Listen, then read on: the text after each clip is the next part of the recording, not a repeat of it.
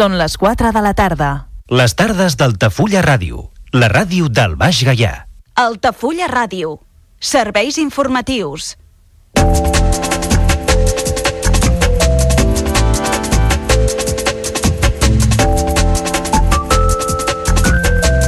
L'Ajuntament d'Altafulla treu a licitació el Servei de Planificació, Coordinació i Programació de la Violeta. La durada inicial del contracte és d'un any, prorrogable dos més, i el pressupost base ascendeix als 8.500 euros amb l'IVA inclòs. L'Ajuntament d'Altafulla celebrarà un ple extraordinari aquest dijous per votar l'alteració del límit de terme amb Tarragona. Entre altres temes, també es debatrà el projecte definitiu per la millora de la infraestructura de mitigació del risc d'inundació a la rasa i diverses qüestions en matèria econòmica. La cap de l'oposició a l'Ajuntament d'Altafulla serà entrevistada aquest dijous al Altafulla Ràdio. A partir de les 9 del vespre, l'espai especial demanarà a Montse Castellarnau una valoració sobre la gestió del litoral, què pensa dels límits de terme amb Tarragona i altres qüestions d'actualitat local. La Guàrdia Civil registra un habitatge d'Altafulla presumptament relacionat amb una trama de frau en la venda d'hidrocarburs. La intervenció també s'ha fet a altres punts de l'Estat, com Màlaga, Marbella, Algeciras, Jerez de la Frontera, Granada i Barcelona, i la quantitat defraudada ascendeix als 140 milions d'euros. Els Jocs en Família tornen a la Biblioteca Municipal d'Altafulla aquest dijous a la tarda. L'activitat compta amb molta acceptació per part dels usuaris del servei que poden jugar amb propostes didàctiques i cooperatives. El ple de Torredembarra votarà aquest dijous el projecte definitiu per reurbanitzar l'antiga carretera de la Riera. La proposta pretén millorar l'accessibilitat als terrenys on es construirà el nou CAP i compta amb un pressupost de mig milió d'euros. L'Ajuntament de Creixell organitza un curs de formació de monitors d'activitats de dinamització en l'àmbit poliesportiu. Es durà a terme per Setmana Santa en col·laboració amb la Fundació Pere Tarrés i va adreçat a joves a partir de 16 anys amb el graduat d'ESO. I en esports, la palista Anna Ortiz aixeca el títol del Campionat de Catalunya absolut per equips amb el Real Club Tenis Barcelona 1899. L'Altafullenca ha guanyat els tres partits que ha jugat i ha posat la cirereta al pastís amb l'últim punt de la final contra el Real Club de Polo. I l'aleta Marta Camp celebra el títol del Campionat de Catalunya de Clubs Màster amb el Barcelona Atletisme. L'Altafollenca ha contribuït al triomf de l'entitat barcelonina amb la primera plaça en els 1.500 metres i el 4 per 200 relleus.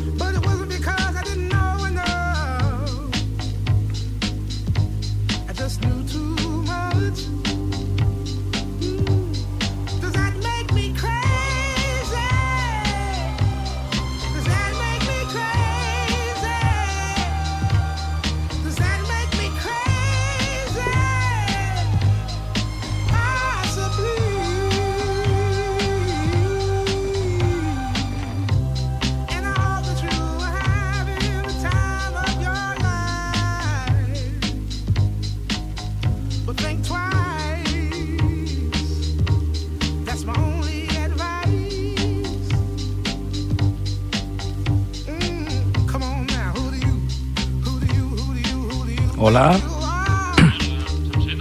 Sí, sí, se sent perfecte. Hola.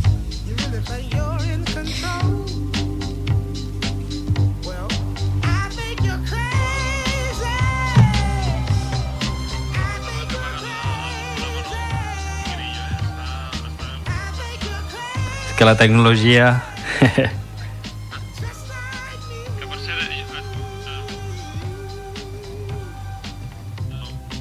Ara no, et no t'he sentit, eh? Ara sí, ara.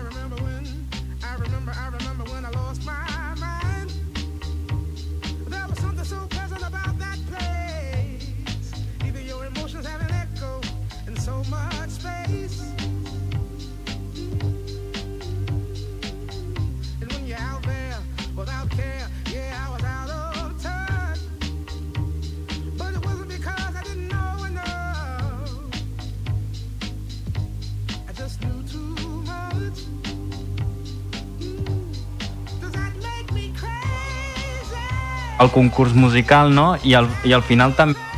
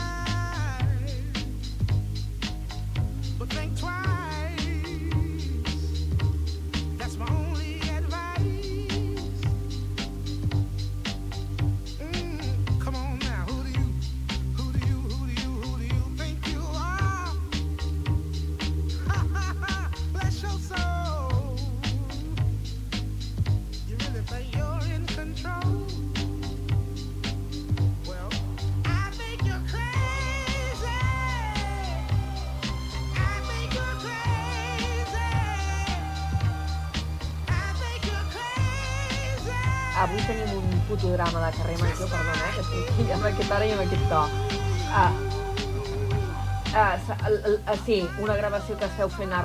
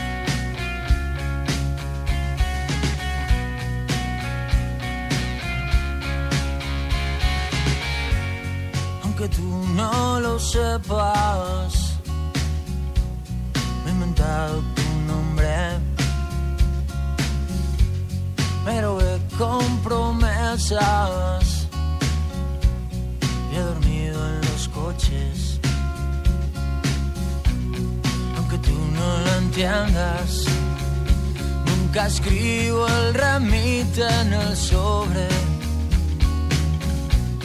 por no dejar mis huellas.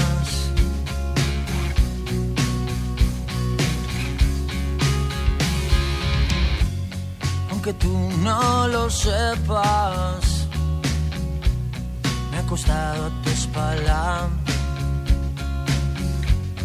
Y mi cama se quejaba cuando te marchas. Y he blindado mi puerta y al llegar la mañana no me di ni cuenta. de que ya nunca estaba.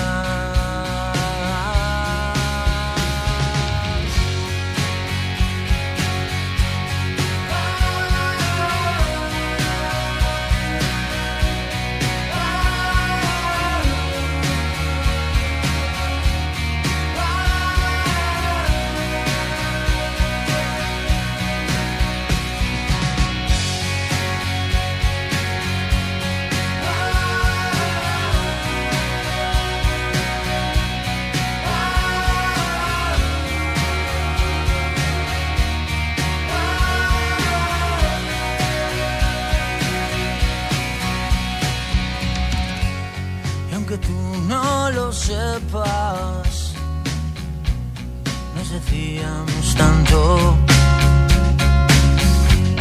con las manos tan llenas, cada día más flacos. Inventamos mareas, tripulábamos barcos, yo encendía con besos.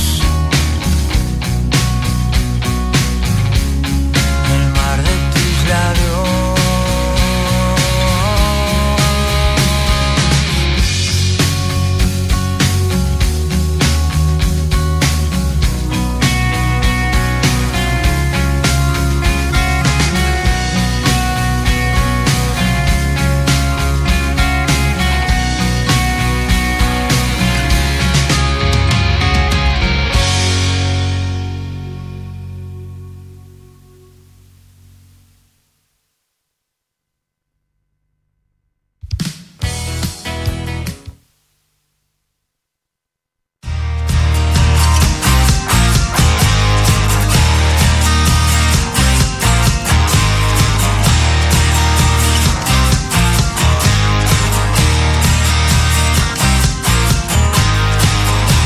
Major, un programa de ràdio Ciutat de Tarragona, Altafulla Ràdio, Ràdio Montblanc, Ràdio La Selva, Ona La Torre, la nova ràdio de Reus, Ràdio Hospitalet de l'Infant i Baix Camp Ràdio en col·laboració amb la xarxa de comunicació local.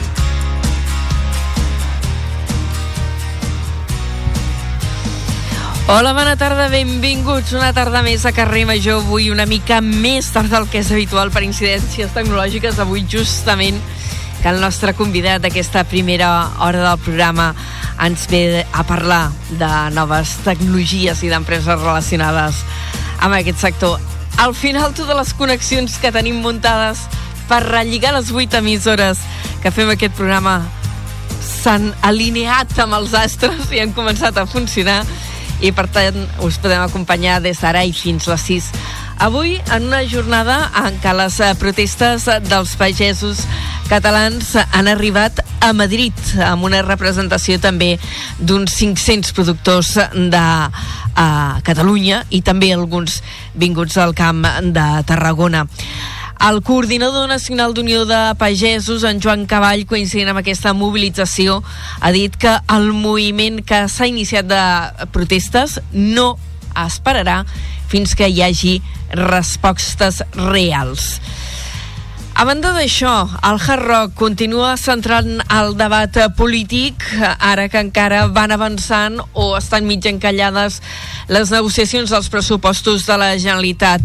La qüestió s'ha tornat a posar sobre la taula avui en la sessió de control al ple del Parlament els grups de Junts, eh, CUP i Comuns han collat Pere Aragonès perquè es decideixi sobre aquest macrocomplex turístic que s'ha de fer aquí al Camp de Tarragona si vol el suport d'aquests grups eh, per aprovar els pressupostos.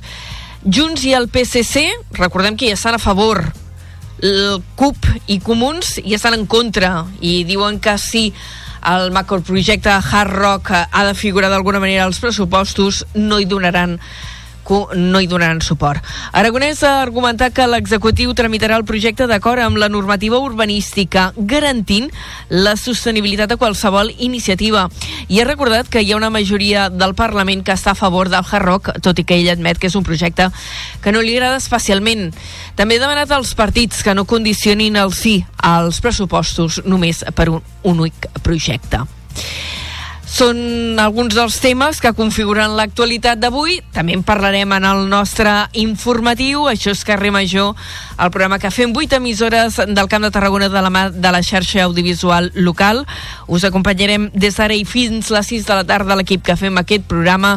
Som l'Iri Rodríguez, l'Aleix Pérez, en David Fernández, la Gemma Bufies, la Cristina Artacho, l'Adrià Requesens, el Jonai González, en Pau Corbalan, l'Eduard Virgili, l'Antonio Mellados, Antoni Mateos, jo mateixa que sóc l'Anna Plaça i en Dani Sánchez. Comencem.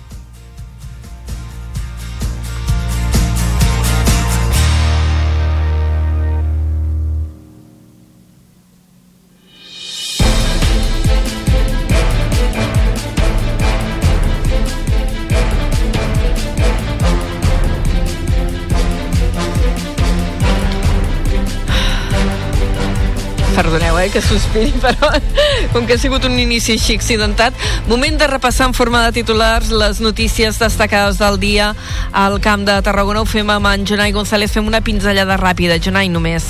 Vale, molt ràpida. Hola, què tal? Mig miler d'agricultors catalans s'han desplaçat avui a Madrid per participar en la jornada de mobilitzacions per alertar de la situació al camp. La protesta secundada per organ- organitzacions de tot l'estat pretenia fer entrar mig miler de tractors a la capital espanyola. Prop de 60 institucions, empreses i agents econòmics i socials del territori han demanat que es connecti l'estació de l'AVE del Camp de Tarragona amb la ciutat francesa de Lió. La iniciativa la lidera la Cambra de Comerç de Tarragona i la petició és senyal de l'interès del territori pel mercat francès.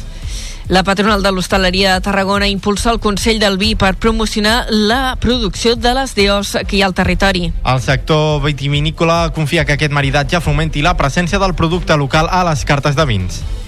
Demà, jornada de plens municipals, a l'Ajuntament de Torredembarra es tractarà l'aprovació definitiva del projecte de reurbanització de l'entorn del futur CAP. I a Altafulla se celebrarà un ple extraordinari eh, pa- aquest per votar l'alteració del límit de terme amb Tarragona. La piscina Sílvia Fontana de Tarragona acollirà el torneig de waterpolo formatiu més gran d'Espanya. Entre els dies 23 i 26 de març, el Hub amb fins a 850 esportistes a la ciutat en un dels tornejos més multitudinaris d'aquest esport. Ara anem a fer l'entrevista, Jonai, d'aquí una estona tornem a parlar. Fins ara. Tot el que passa al Camp de Tarragona t'ho expliquem a Carrer Major.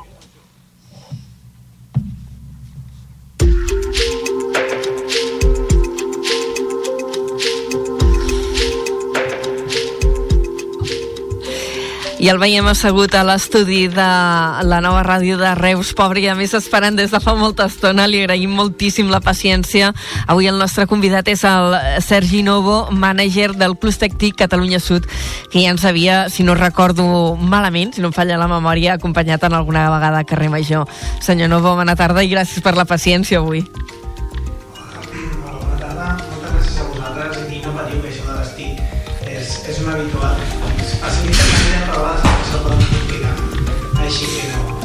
Uh, em sembla que tenim algun problema amb el micro. Seguint amb els problemes tecnològics, crec que tenim algun problema amb el micro de Reus, que crec que no està activat. I sento corredisses. Aleix. Ara sí? No. A veure, farem Ara canvi de aquí- micros. Ara sí, tens aquí un company fantàstic. Ara Ho has sí, eh? Us El que passa és que també li, li demanaré que gràcies pugi... I, i simplement, eh, que, que no patiu, que, que això de l'estic ja, ja passa, ens facilita la vida, però a vegades també ens la compliquen, i, i això és un habitual. Uh, bueno, nosaltres, clar, treballem d'una manera bastant complicada, ja ho hem explicat alguna vegada que són 8 emissores enllaçades enviant senyal a Tarragona, Tarragona ens la rebota a nosaltres, Barcelona hi està pel mig, va, és un cacau.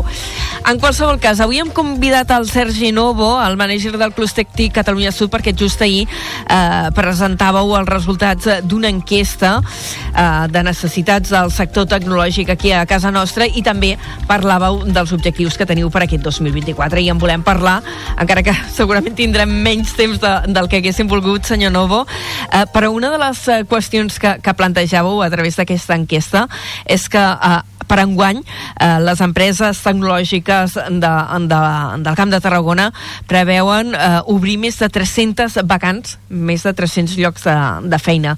És un sector a l'alça?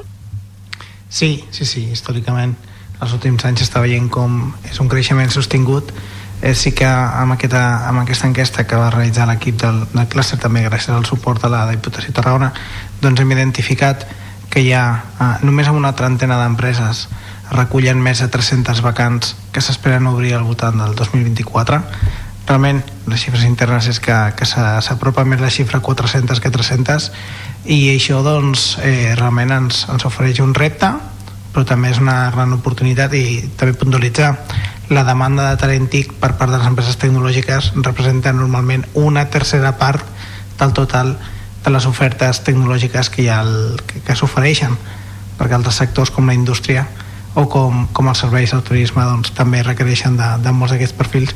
Per tant si veiem quines són les xifres de generació de talent que ens ofereix la Universitat Rovira i Virgili, els centres d'FP i altres centres alternatius doncs no arribem a, a cobrir tota aquesta demanda. Per tant hem de ser eh, creatius i hem de ser atrevits per, per tal d'anticipar-nos a una, a una tendència que, que continua Uh, parleu de que hi ha dificultats per cobrir alguns perfils.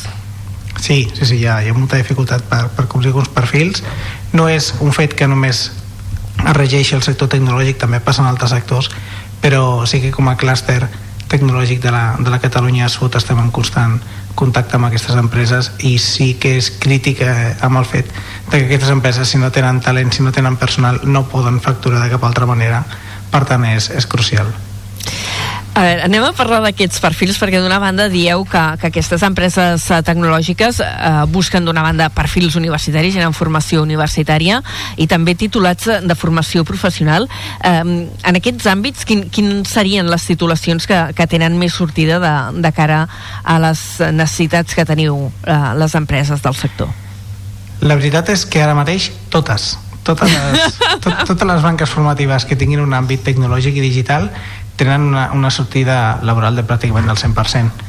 I si la persona té ganes de reciclar-se, de fer upskilling, reskilling, intentar aprendre de, no només d'una vertical, sinó intentar també doncs, aconseguir capacitació i coneixements d'altres branques que siguin força properes doncs és un perfil que té la, la feina pràcticament assegurada en unes condicions força favorables per tant aquesta és la gran oportunitat que, que se'ns planteja Entre els perfils, clar, jo que vinc d'un àmbit que no té res a veure a, amb, amb aquestes noves tecnologies, um, m'he quedat una mica així. A veure, mm, desenvolupadors de programadors back, front-end i full stack.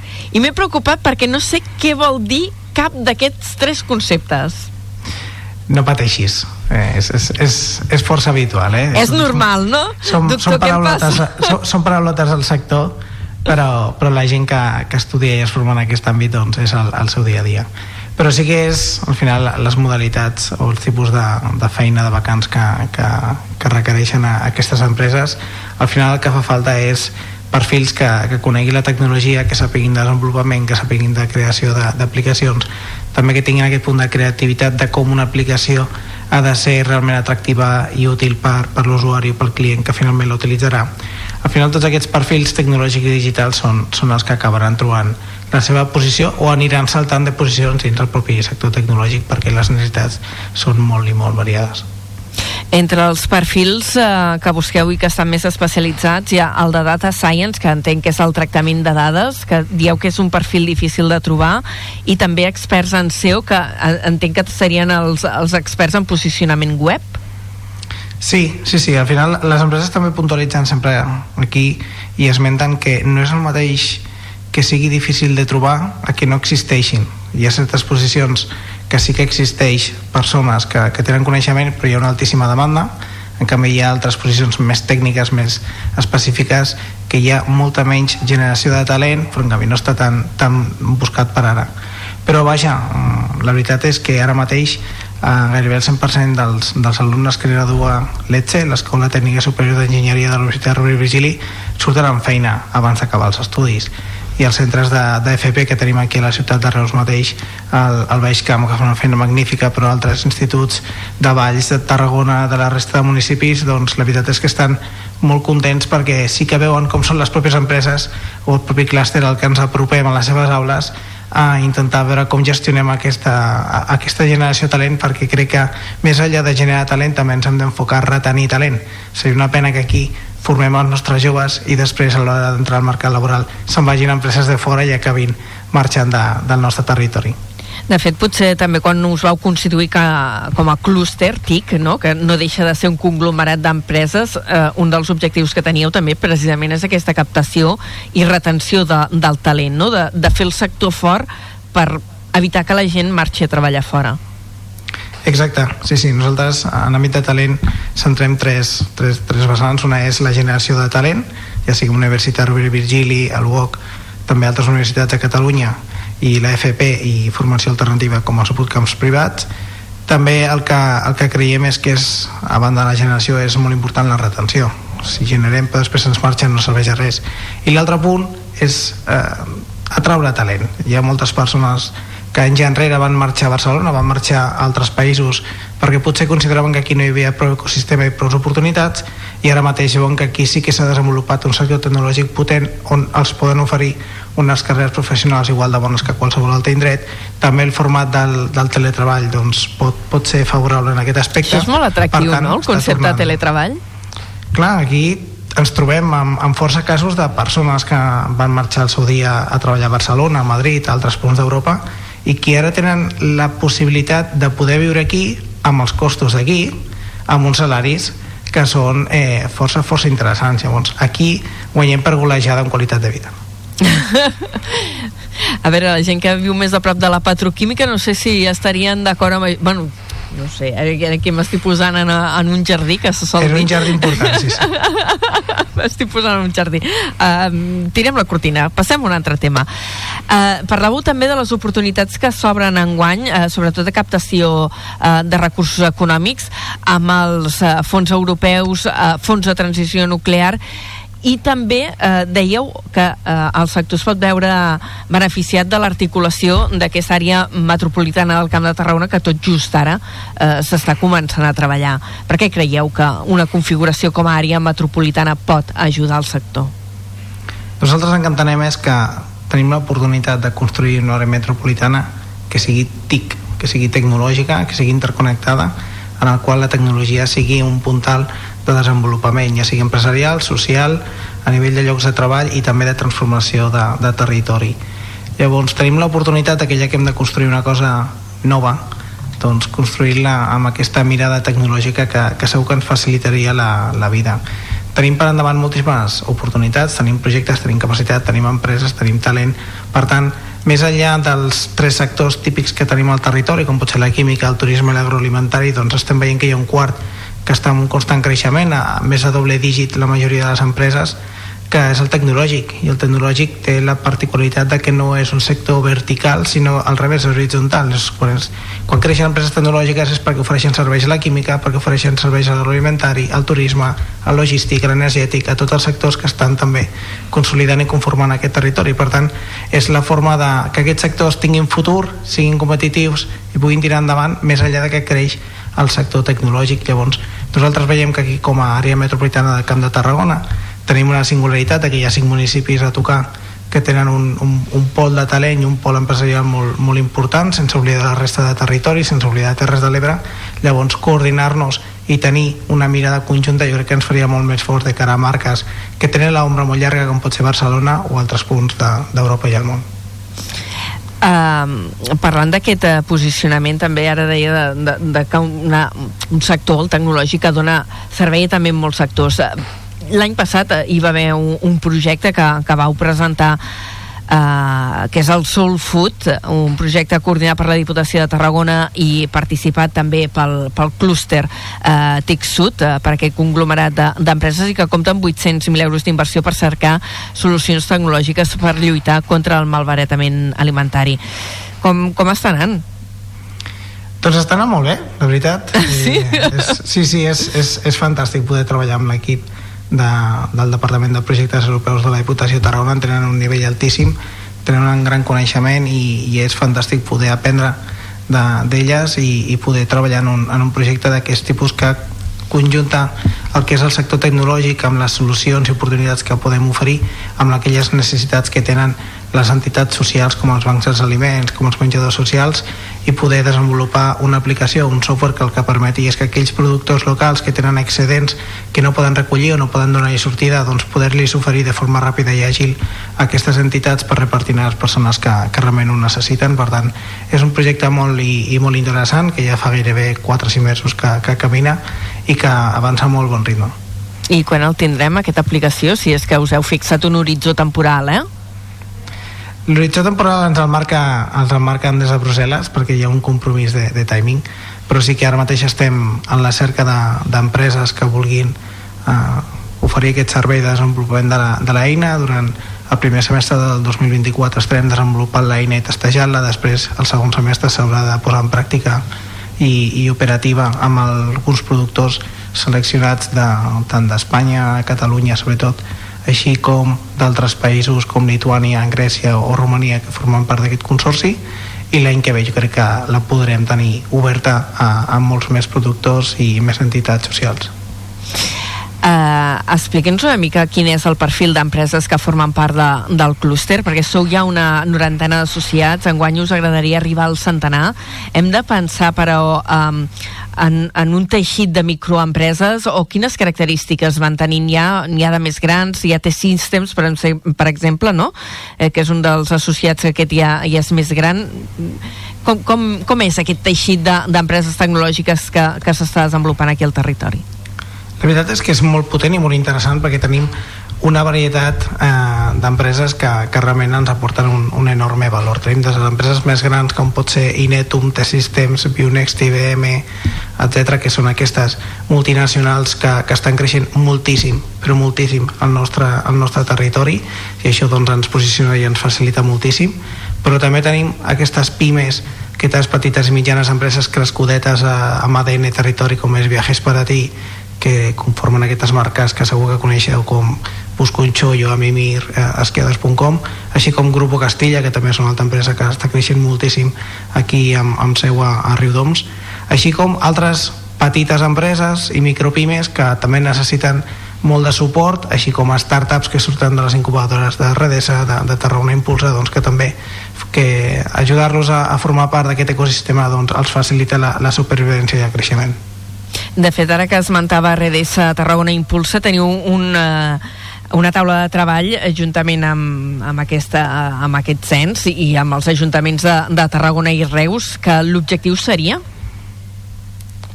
Sí, sí, sí, tenim aquesta taula de treball, jo crec que l'objectiu és coordinar-nos, és a dir, que, que no es vagi per lliure, que no entrem en competències sense sentit, sinó anem a, a veure com ens podem eh, fer més forts entre tots, com ens podem complementar. Crec que Tarragona i Reus i la resta de municipis tenen singularitats que, que els fa especials i els fa potents, llavors la, la, crec que l'objectiu és poder-nos coordinar per tal de, de fer una feina amb major impacte i tant de bo des del clúster el que sí que defensem és que seria interessant poder acabar creant una marca conjunta de territori tecnològic que ens posicioni a nivell global i que també ens faci més forts. Eh, I a nivell de formació, que és un tema que hem tractat al, al principi, eh, considera que hi ha mm, algun buit a, a, a nivell de titulació que, que es, potser s'hauria d'oferir aquí al territori i encara no existeix Estem treballant conjuntament amb la universitat el que seria la hibridació de perfils. Cada vegada ens donem compte i les empreses ens ho fan saber de que no volen perfils informàtics purs, necessiten que siguin perfils informàtics que tinguin coneixement de sanitat, de dret o de qualsevol de les altres branques que al final són els, els serveis que acaben oferint els clients. Per tant si de, volen oferir un bon servei han d'entendre què necessita el client. Per tant es tendeix a buscar perfils híbrids en totes les vessants ja sigui en comunicació, en, en relacions amb els clients, comptabilitat perquè al final totes les operacions acaben basant-se en, en àmbit digital i, i tecnològic. Per tant mm, estem treballant a la Universitat Rovira i Virgili un programa de microcredencials que permeti que de forma molt àgil les persones de qualsevol línia formativa puguin tenir aquestes càpsules digitals que els facin molt més eh, atractius a l'hora de trobar una ocupació i que després els faci molt més productius a l'hora de formar part d'una empresa o una empresa pública. Aquí entraríem en, en l'àmbit també una mica de la formació continuada, no? perquè potser eh, no és tant quina carrera estudies de base, sinó després com a vas ampliant coneixements en funció de les necessitats laborals que et vas trobant. És aquí on, és el, on hi ha el buit eh, real? La formació continuada serà una obligació pràcticament és a dir, a partir d'ara eh, les, les coses canvien molt ràpid. Ho podeu veure, aquí us anava a dir fa 10 anys que estaríeu 8 ràdios connectades al mateix moment i us heu hagut d'espavilar de, tots per, per fer-ho possible, per tant la formació s'ha continuada de ser necessària perquè si no ens quedarem obsolets com a persones i treballadors en qüestió de mesos, així que més val que ens anem acostumant tots i que la tecnologia no ens passi per sobre com ens ha passat avui una miqueta. Uh, senyor Sergi Novo li agraïm moltíssim que, que hagi vingut un dia més a, a Carrer Major perquè aquesta temporada no havíem parlat però jo sé que la temporada passada sí que havia estat al programa parlant de, de les empreses tecnològiques que es van desenvolupant i van creixent aquí al nostre territori. Segur que tindrem oportunitat de tornar a parlar en una altra ocasió i li agraïm molt que hagi vingut. Moltes gràcies, sempre que faci falta aquí em teniu fins la pròxima i disculpi totes les incidències que hem tingut avui que ha sigut un programa molt especial no patiu. gràcies, fins ara tot el que passa al Camp de Tarragona t'ho expliquem a Carrer Major Tres quarts de cinc, ja ens endinsem amb les notícies eh, que abans apuntàvem amb titulars. Saludem de nou en Jonai González. Bona tarda, Jonai. Molt bona tarda. Avui el protagonisme pels uh, pagesos catalans, també tarragonins, que s'han desplaçat fins a Madrid per participar en una nova jornada de mobilitz mobilitzacions per alertar de la situació del camp. La protesta secundada per organitzacions de tot l'estat pretenia fer entrar mig miler de tractors a la capital espanyola. El coordinador nacional d'Unió de Pagesos ha dit que les protestes no pararan fins que arribin les solucions reals. El moviment que s'ha iniciat de protestes fins que no hi hagi respostes jo crec que no es té que parar i la gent també creu que no es té que parar fins que no tinguem respostes reals a les nostres legítimes demandes. Entre els pagesos que s'estan manifestant a Madrid també n'hi ha del Camp de Tarragona. És el cas de la Irene Gómez, una productora de fruita seca del Baix Camp. És que o fem alguna cosa o, o, o, o hem de plegar ja. O sigui, no, no podem aguantar més uh, tota, tota aquesta problemàtica. Si aquest any no s'arregla, segurament l'any que ve haurem de plegar perquè no, no podrem regar els arbres i es moriran. I eh, bueno, hem vingut amb cotxe, ens hem organitzat, vam arribar ahir la nit, eh, bastant tard, i avui cap aquí a manifestar-nos. Des de la delegació del govern espanyol a Madrid han confirmat aquest migdia que finalment s'ha permès el pas a la capital de 500 tractors, xifra portada pels organitzadors a la comunicació de la mobilització. Junts, la CUP i els comuns han collat avui per Aragonès perquè es decideixi sobre el Hard Rock si vol aprovar els pressupostos de la Generalitat. El futur d'aquest macroprojecte ha centrat la sessió de control al president de la Generalitat avui al ple del Parlament. Les posicions estan enrocades. Junts i PSC mantenen les seves exigències sobre el Hard Rock per donar suport als comptes, mentre que els comuns s'hi oposen. El president del grup parlamentari de Junts, el veient Albert Batet, ha reclamat un acord de claredat sobre el Hard Rock. Tramitar no és governar. I la realitat és que el seu govern necessita un acord de claredat sobre què fan amb el Hard Rock. O incompleixen amb el PSC o incompleixen amb els comuns. O forma part del Dragon Khan del tripartit que és ens aprovem els pressupostos de Barcelona, a Catalunya i a Madrid i que cadascú digui el que vulgui, com ja ens havien acostumat en el passat, un tema molt vell i molt sucursalista. Per la seva banda, el president de la Generalitat, Pere Aragonès, ha demanat als partits que no condicionin el seu suport als pressupostos a aquest únic projecte. una qüestió que no, està, no té relació amb el pressupost, que té altres mecanismes per configurar les majories, ha de comportar sacrificar tot això? De veritat que hem de sacrificar el pressupost més alt? Al Departament d'Educació de tota la història, que superarà els 7.000 milions d'euros, per les diferències legítimes que vostès puguin tenir amb un projecte molt concret, un projecte que no és immediat, Aragonès ha argumentat que l'executiu tramitarà el projecte d'acord amb la normativa urbanística garantint la sostenibilitat de qualsevol iniciativa i ha recordat que una majoria del Parlament està a favor del Hard Rock. Prop de 60 institucions, empreses, agents econòmics i socials del Camp de Tarragona demanen que es connecti l'estació de l'AVE, la del Camp de Tarragona, amb la ciutat francesa de Lió. La iniciativa la lidera la Cambra de Comerç de Tarragona. La petició passa per ampliar fins a l'estació del Camp la línia que des de l'estiu passat uneix Barcelona amb Lió i Marsella. La cambra considera que aquesta connexió servirà per potenciar el sector turístic i contribuir a la desestacionalització de la temporada. De fet, l'any passat hi va haver 2,5 milions de visitants francesos. La presidenta de la cambra, Laura Roger, ha destacat que l'ampli suport amb què compta la petició és senyal de l'interès del territori pel mercat francès i també del seu creixement potencial.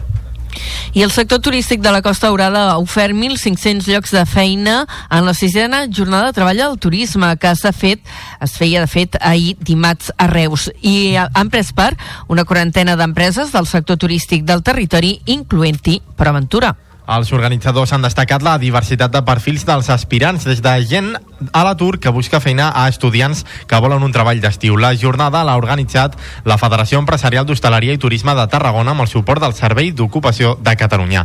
La presidenta de la Federació d'Empresarial d'Hostaleria i Turisme de Tarragona, Berta Cabré, ha assenyalat que aquesta jornada està plenament consolidada i que treu molts demandants de feina. També ha destacat que actualment un 90% dels contractes que ofereix el sector turístic ja són fixos. I seguim amb més eh, qüestions relacionades amb el turisme, però ara parlant de l'altra patronal eh, que hi ha al territori. Uh, estem parlant de l'Associació d'Empresaris d'Hostaleria, la EACT, que ha impulsat el Consell del Vi per promocionar la producció de les DOs del territori, les denominacions d'orígens. El sector vitivinícola confia que aquest maridatge fomenti la presència dels productes locals a les cartes de vins dels restaurants. Amb la iniciativa es pretén promocionar els vins entre els 800 restaurants i 130 hotels de l'entitat. La mesura arriba sis mesos després de la creació de la vicepresidència del vi per part de l'Associació d'Empresaris d'Hostaleria de la demarcació de Tarragona. Entre les primeres accions destaca el compromís d'hostaleria d'incloure a les seves cartes una benvinguda en què s'informi al consumidor que es troba a la demarcació amb més denominacions d'origen de l'estat espanyol. El president de l'associació, Francesc Pintado, defensa la importància que els sectors gastronòmic i vitivinícola s'uneixin.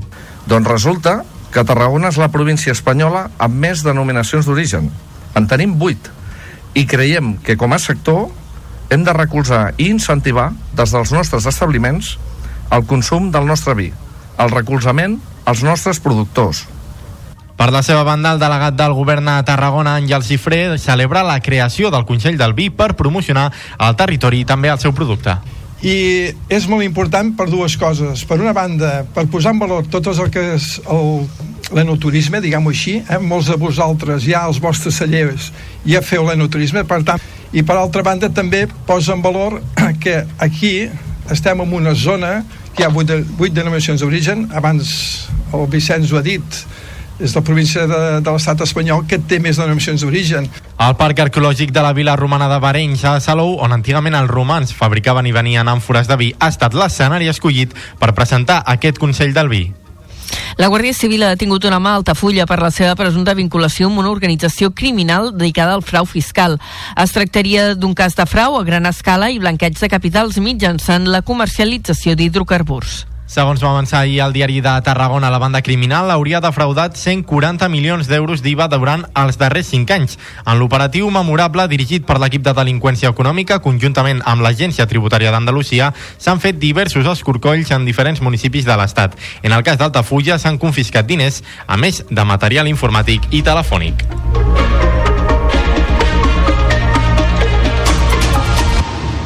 4 i 52 minuts. Entrem estrictament en crònica local. El ple de febrer de l'Ajuntament de Torredembarra, que se celebrarà demà, tractarà l'aprovació definitiva del projecte de reurbanització de l'entorn del futur centre d'atenció primària. La sessió tindrà lloc aquest dijous 22 de febrer i arrencarà a les a dos quarts de 10 del matí, mitja hora abans del que és habitual. Ens ho explica des d'Ona la Torre en Josep Sánchez. El projecte contempla fer una inversió de 517.000 euros i que les obres durin uns 8 mesos. Es farà una vorera ampla, amb zones verdes integrades. També es preveu construir una nova rotonda. Un altre punt destacat de l'ordre del dia és l'aprovació de l'estructura de costos del servei de recollida i transport de residus. Això permetrà fixar la fórmula de revisió de preus en els plecs de condicions de la licitació. Raül Garcia és el regidor de residus i neteja viària que és el primer tràmit on ja pots enviar eh, tot aquest eh, material a la Junta Consultiva de la Generalitat i per, a partir d'aquí ja són terminis molt més consecutius per poder fer la publicació dels plecs, eh, començar el procés de licitació i adjudicar el contracte. Durant la sessió també es preveuen aprovar canvis en les retribucions d'alguns regidors arran de les modificacions en el govern després del traspàs de Maria Gual. A més, hi ha tres mocions, una sobre una zona verda al barri de Sant Jordi i dues més de suport a la pagesia. Seguim al Baix Gaià, hi haurà ple també demà a l'Ajuntament d'Altafulla. Serà un ple extraordinari per votar l'alteració del límit del terme municipal amb Tarragona. Entre altres temes, també es debatrà el projecte definitiu de la bassa de laminació per evitar inundacions i diverses qüestions en matèria econòmica.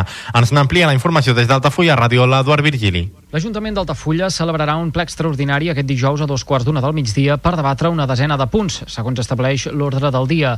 El més cridaner és el que ha de permetre que es debati sobre l'alteració dels límits de terme municipal entre Altafulla i Tarragona, al sector de la plana del Vinyet ja va aixecar força polseguera quan a principi de febrer el coalcalde Jordi Molinera va anunciar-ho en un esmorzar amb la premsa. La nostra proposta és que tota la, aquesta zona del Vinyet fins a la desembocadura del Gaià sigui terme municipal d'Altafulla. A ulls de la gent així ho és. Molta gent, de fet, creu que és Altafulla i Altafulla ha demostrat eh, els darrers anys eh, que té una implicació important en la gestió d'aquest territori. La sessió previsiblement aprovarà la petició formal per redibuixar aquests límits i posteriorment el document es farà arribar a l'Ajuntament de Tarragona perquè s'hi pronunciï. En cas que no hi hagi acord, la decisió la prendrà la Generalitat. D'altra banda, el ple de la corporació també debatrà el projecte definitiu de la bassa de laminació, la denominació de diversos carrers a la zona de Safranàs i qüestions relatives a matèria econòmica. Junts també ha proposat que el ple voti una moció en suport de la pagesia catalana. Aquesta sintonia ens porta a parlar d'esports. Tarragona acollirà el torneig de waterpolo formatiu més gran d'Espanya. Entre els dies 23 i 26 de març, la piscina Sílvia Fontana presenciarà el Jabaguaba. Ens ho explica l'Adrià Duc des de Ràdio Ciutat de Tarragona. Aquesta serà la quarta edició del Jabaguaba que es fa a Tarragona, on durant els tres dies de torneig es jugaran fins a 220 partits de categoria Benjamí i Aleví. La directora general del torneig, Cristina Marín, ha destacat el vessant lúdic de l'esdeveniment per sobre de la competitiva, així com el bon ambient que es crea a la ciutat durant l'esdeveniment. Verdaderament l'ambient que respira aquí, d'esport, no només com a esport, sinó a nivell social també, el fet de que els nanos tinguin aquest mm, interès amb, amb fer esport i no altres coses, eh, crec que Tarragona és una demostració de que qualsevol cosa que es proposi ho pot organitzar. En la presentació del torneig també ha estat present el capità de la selecció espanyola de waterpolo i ambaixador del torneig, Felipe Perrone, qui ha manifestat la importància de l'esport base i d'iniciatives com el Jabaguaba. I per mi estar aquí és una mica trobar aquesta connexió d'aquest aquest tangible que és l'esport de rendiment amb l'esport de formació, de realment motivar i fomentar l'esport i, i tots els beneficis que això porta a la ciutat i a, i a l'esport. En aquesta edició el torneig ha augmentat en 10 el nombre d'equips participants, arribant així als 56, la majoria d'ells espanyols, però també alguns de fins a 4 països d'arreu d'Europa.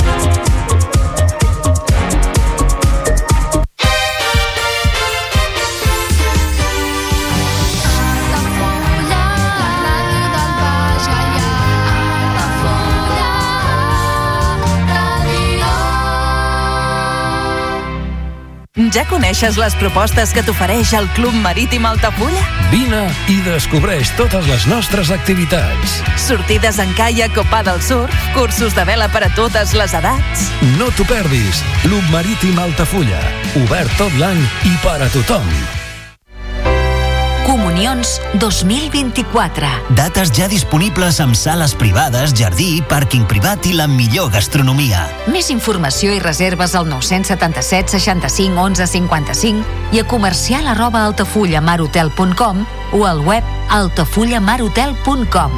Les teves celebracions familiars a l'Altafulla Mar Hotel.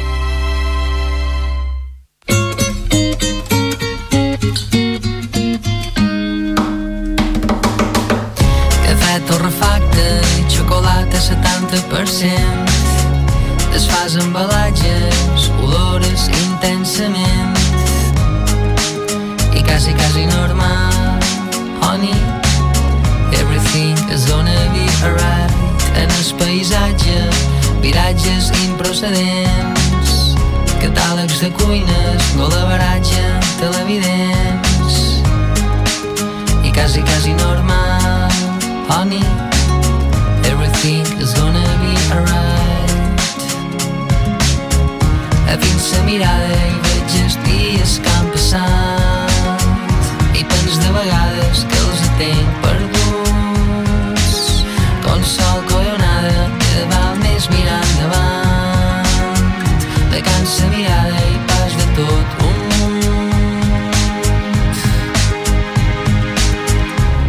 desfas artefactes i mires com estan fets. Molles cilindres corretges eixos i dents. I quasi quasi normal honey everything is gonna be alright. A dins la mirada i veig els dies que han passat i pens de vegades que els tenc perduts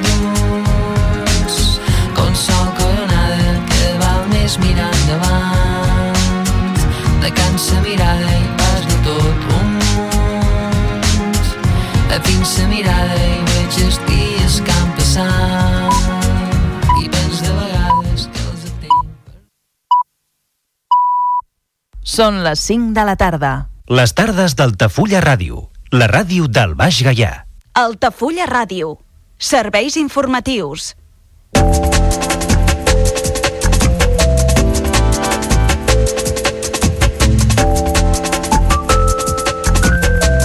L'Ajuntament d'Altafulla treu a licitació el Servei de Planificació, Coordinació i Programació de la Violeta. La durada inicial del contracte és d'un any, prorrogable dos més, i el pressupost base ascendeix als 8.500 euros amb l'IVA inclòs. L'Ajuntament d'Altafulla celebrarà un ple extraordinari aquest dijous per votar l'alteració del límit de terme amb Tarragona. Entre altres temes, també es debatrà el projecte definitiu per la millora de la infraestructura de mitigació del risc d'inundació a la rasa i diverses qüestions en matèria econòmica. La cap de l'oposició a l'Ajuntament d'Altafulla serà entrevistada aquest dijous al Altafulla Ràdio. A partir de les 9 del vespre, l'espai especial demanarà a Montse Castellarnau una valoració sobre la gestió del litoral, què pensa dels límits de terme amb Tarragona i altres qüestions d'actualitat local. La Guàrdia Civil registra un habitatge d'Altafulla presumptament relacionat amb una trama de frau en la venda d'hidrocarburs. La intervenció també s'ha fet a altres punts de l'Estat, com Màlaga, Marbella, Algeciras, Jerez de la Frontera, Granada i Barcelona, i la quantitat defraudada ascendeix als 140 milions d'euros. Els Jocs en Família tornen a la Biblioteca Municipal d'Altafulla aquest dijous a la tarda. L'activitat compta amb molta acceptació per part dels usuaris del servei que poden jugar amb propostes didàctiques i cooperatives.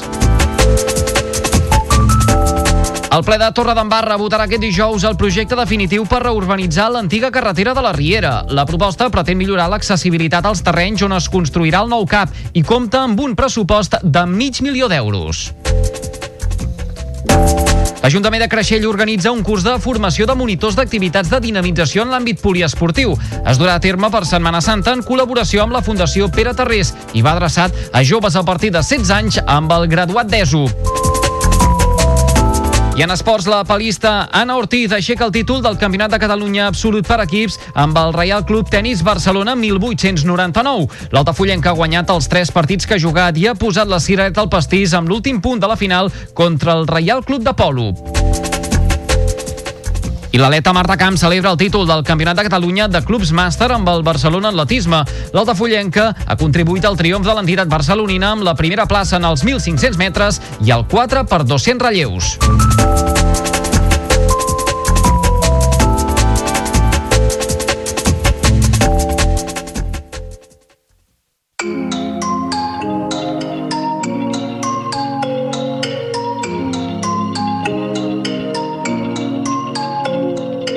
Estava buscant la manera de trobar-te, què dir-te, com saludar-te. Així tota la nit quedaven tres parades i no, no volia baixar. Ja et dic, envia'm la ubicació.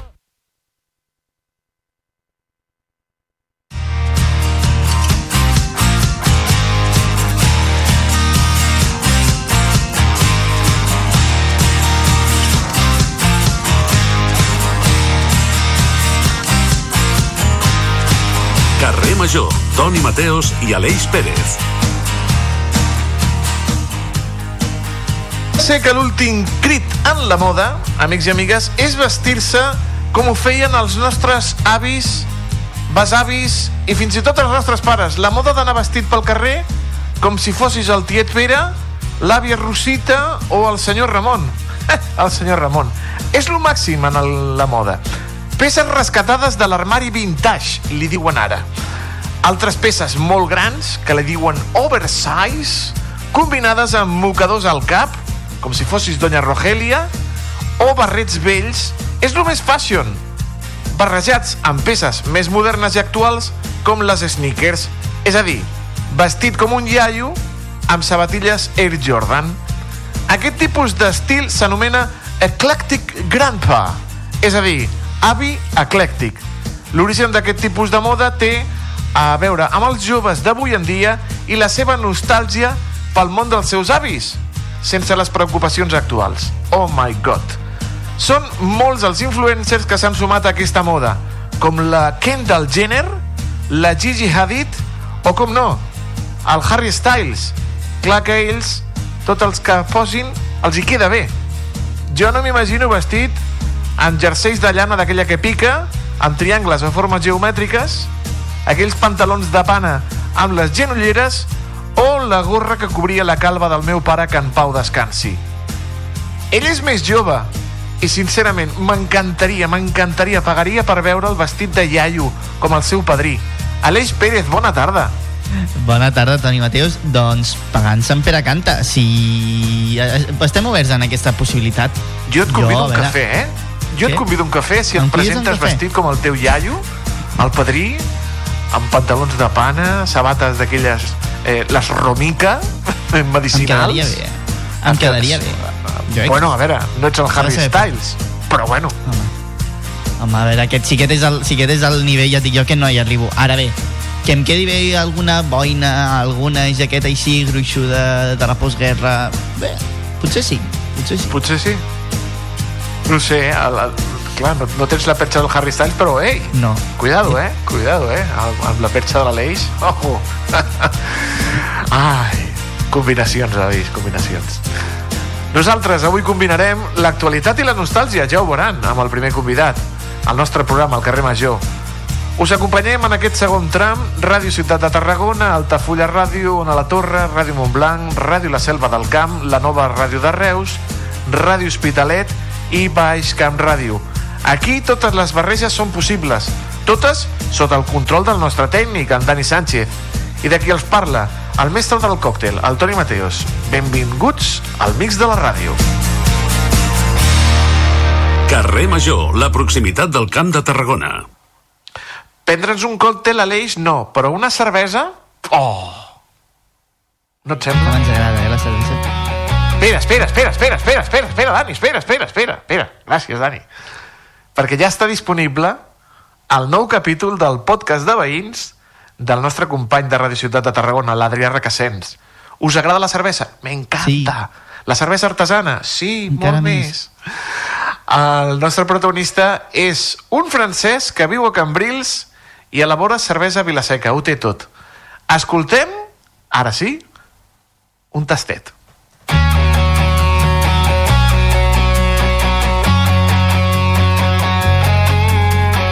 Aquest és un nou capítol del podcast veïnal del Camp de Tarragona. Històries i protagonistes del nostre territori. Un francès fent cervesa artesana al nostre territori. Aquest és el protagonista aquesta setmana del podcast de veïns. Soy Arnaud de la cerveza artesanalona. Tengo la fábrica de cerveza en Vilaseca hace ya siete años. Soy francés, tengo 44 años y vivo en Cambrils eh, desde hace siete años ya. Arnaud Mugó porta ja 7 anys vivint a Cambrils i elaborant cervesa artesana. Fem un salt a la seva infància per conèixer quines aspiracions tenia quan era petit. Pequeño, pequeño no tenía la idea de hacer cerveza artesanal. es un poquito, bueno, hace ya 20 años más o menos que hago cerveza en casa y luego sí he montado eso eh, aquí en España hace 7 años. Històries, vides, trajectòries, anècdotes. Els nostres barris, carrers, places, municipis, pobles i ciutats compten amb un grapat de veïns i veïnes rellevants per una cosa o altra. El podcast veïnal de Carrer Major, el programa de les 8 ràdios de la xarxa al Camp de Tarragona, ens fa descobrir aquests perfils del territori cada setmana amb Adrià Requesens. No et perdis cada capítol a rctgn.cat. Podcast de veïns. Gent amb marca local.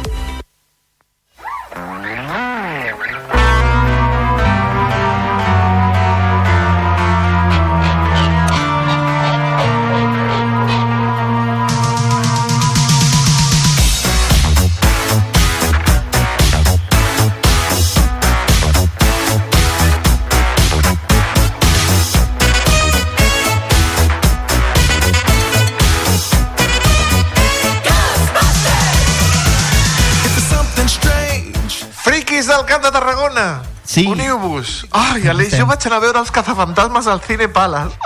Que fort. Eh? El Palace. Al Palace. Eh, Les anècdotes que heu tenit tu amb el Cine Palace, o sigui, jo crec que Increïble, podríem fer o un sigui- programa sencer, no? És part de la meva vida.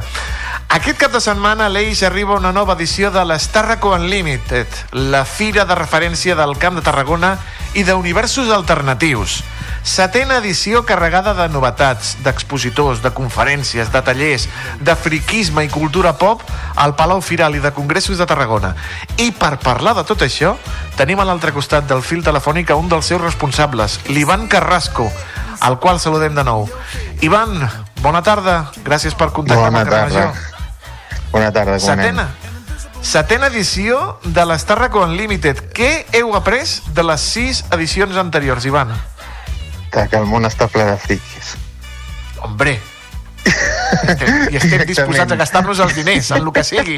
Descarau, descarau que sí. No, no, no, no, a veure, hem après, bueno, hem après el que en un principi ens havíem proposat, és a dir, nosaltres, clar, venim del món del cosplay, veiem que, bueno, hi havia moltes coses pues, que es saltaven una mica per sobre, i nosaltres, pues, amb aquests set anys hem après a, a, a, bueno, a fer les coses que als friquis ens agraden. Ai, una setena edició de l'Starraco Unlimited a l'Eix que arriba amb dates per celebrar. Perquè parlava sí. jo dels, dels caçafantasmes, eh? sonava la música dels caçafantasmes, que jo la vaig veure al Cine Palace, i és que fa 40 anys dels caçafantasmes. Ostres, que la gent faci números llavors, no? De, si No, no, poden fer 40 números anys i perfectament, eh? tot, fer, clar. Poden fer números. 40 anys dels caçafantasmes i, i a més a més porteu ui, una peça d'aquelles de... Oi, Ivan. Sí, sí, sí, portem, portem Lecto 1, vale? Uh, que mira, avui mateix per la tarda m'ha trucat el noi que ho porta, que m'ha dit que no el portarem per grua. És a dir, des de, vindrà des de Girona per l'autopista, conduït... Què m'estàs que és- Sí, sí, sí, que és que a sobre No, és, no és només una rèplica d'aquesta, no, no, no, no, vindrà, vindrà vindrà de camí conduït pel nano i, bueno, s'ho han currat que flipes, és a dir, ara ja sí que és un cotxe autèntic, autèntic. És el cotxe dels caçafantasmes, Aleix. Uh, Passarà peatge o no? Passarà pel, pel, pel peatge? Jo és que m'imagino. Bueno, sí, a veure, a veure, ara hi ha tractors no? per l'autopista, llavors també un cotxe dels caçafantasmes eh, algo normal. Més d'una a la carretera que, que es, es, es netejarà la cara amb aigua perquè no acabarà d'entendre ben bé què està passant. sí, sí, sí. I bé, també parlem d'aquest d'aquest Hector 1 dels 40 anys dels Caçafantasmes. Com, com el celebreu, a part d'aquesta arribada espectacular, com si fos el cotxe de regreso al futur? Clar, és que estem parlant dels 40 anys dels cazafantasmes, però és que els 40 anys dels cazafantasmes és una més a més que tenim, però és que hi ha un aniversari, que és aniversari oficial per tot Espanya, que és els 40 anys de Màsters de l'Universo. Oh, Déu meu senyor. És a dir, és a dir uh, sí que Fantasma sí, que serà el 40 aniversari, però la que hem liat a, gràcies a Mundo Masters, que és l'associació de màsters de l'Univers d'Espanya, gràcies a Mattel, estem parlant ja d'algú sèrio, es celebra el 40 aniversari de Màsters de l'Univers al país. És a dir, quan van arribar va ser un 8 de febrer del 84, vale, crec que era, era el primer anunci que es feia de Màsters de l'Universo. Llavors, uh -huh. aquest any és el 40 aniversari i, i se'ns han ofert com a, a ben oficial del 40 aniversari de Màsters de l'Universo. És a dir, portarem, per exemple, jo que sé, l'Àlex eh, Axel Jiménez, que és un, el dibuixant oficial a nivell mundial de Màsters de l'Universo de Mattel, vale? que ve des d'Argentina, Uh, tindrem fotocalls, tindrem podcast, tindrem repro mm, reproduccions, tindrem un fotocall d'entrada que la penya fliparà en colors. Mm, serà molt bèstia, serà molt bèstia. Ai, Masters de l'Universo. Jo vaig llançar eh, el meu castell de Grayskull, el meu He-Man, Pues, el meu No saps, el Skeletor... que, no saps el que vas fer, fill. Mm, No, no, no. Bueno, va ser ma mare la que el va llançar perquè diu, Ah, vale, vale, ja no bueno. juga. No, mm, Sempre, bueno, sempre, sempre li podràs tirar la cara. Sempre. Sí, Això- això, pobreta, pobreta. mama. Quines altres joies podrem veure pel, pel saló? Perquè a banda d'aquest uh, Ecto 1 dels Caçafantasmes, aquest uh, Màsters de l'Universo amb el 40 aniversari, també hi han trobades amb gent del món del cinema, perquè porteu la, una de les veus més reconegudes del, Sí. del, del, del doblatge femení. Sí, sí, sí, jo per mi és una de les, bueno, per mi és una de les veus més importants que existeix en el doblatge, vale? que és la Núria Mediavilla. Estem parlant de, de la veu d'Uma Thurman, de la veu de Cameron Diaz, de la veu de, bueno, d'actrius superimportants, vale? eh, a més, el seu pare era el, el, el, el grandíssim Pepe Mediavilla, la veu de Gandalf i companyia, vale? Llavors portem una gran de les grans de les veus eh, de, de, de doblatge del país.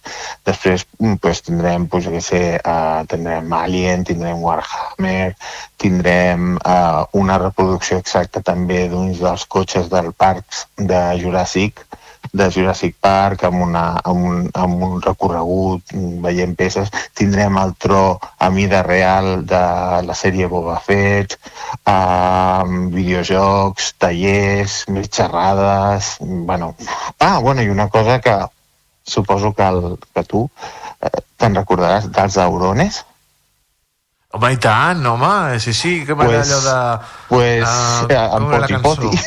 Poti Poti, el Poti Poti, sí, sí. sí. poti, poti.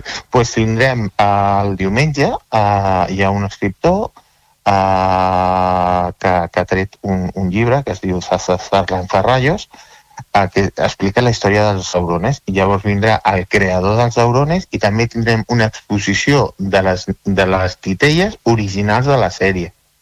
De les vale? titelles originals dels aurones? Sí, sí, sí, sí, sí, sí, sí. tindrem el poti-poti? poti-poti de veritat allà, sí, No, sí, sí, sí, sí, sí, sí. Bueno, la, Perquè la Leia tindrem una- s'està mirant, la, Le, la Leia ens mira Sí, com dient, un "De què bitxo raro, no? dos que senyors?" poti, poti, què és esto? Sí, sí, sí, sí, sí. Clar, estem parlant de fa molts anys ja, eh?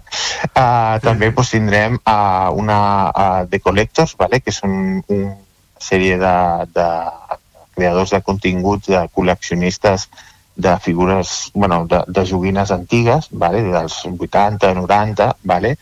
Uh, llavors vindrà una sèrie de youtubers també que són d'aquests que obren cartes de Pokémon i tota la història.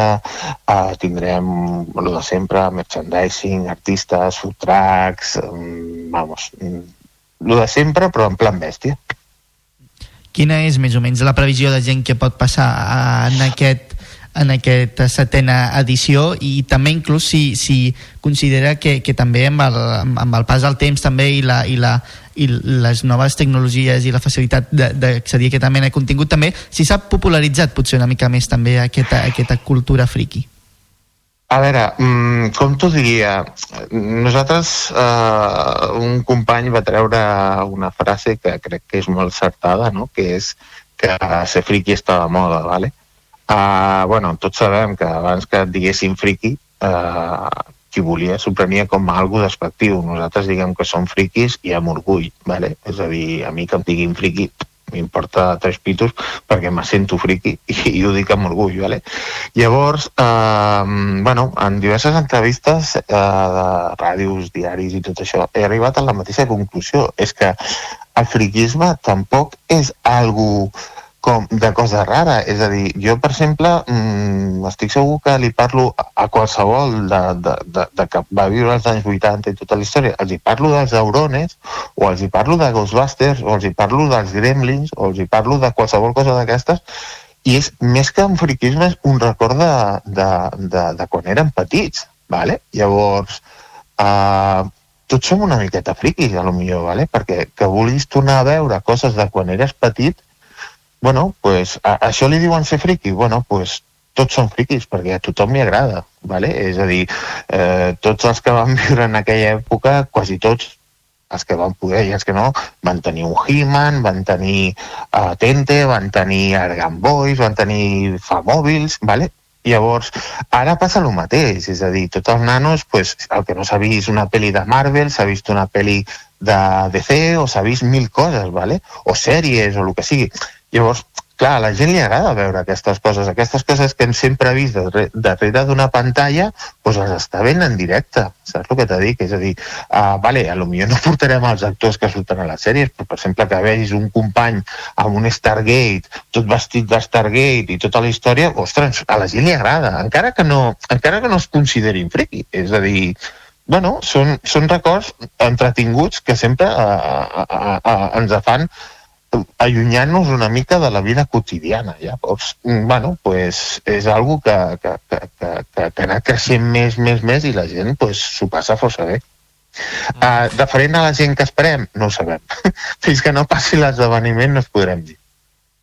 Sabem que Home, ve eh, moltíssima gent, sabem que ve moltíssima gent de tot el país, de Madrid, uh -huh. de Canàries, inclús gent de fora d'Alemanya, de França, perquè això dels màsters de l'Universo mm, se li era molt grossa, ¿vale? i llavors cada, cada secció que tenim s'ha encarregat de liar-la més encara. Llavors vindran diferents punts, diferents gent interessada per mil coses. Fareu també la desfilada de, de Star Wars, com, com Mm. en anys anteriors? Mm, mm, no. I, i, i deixem-ho així. Vale. Permisos i coses d'aquestes. Va, val, val, val. M'entens, no? Home, ja, ja, ocup, ja ocupeu molts metres quadrats, déu nhi duret, eh? Ja, sí, sí, sí, sí. El que passa que, bueno, sembla ser que veure mm, molts soldats imperials pel carrer i tot això, pues, bueno, es necessiten moltes, molts papers per fer això.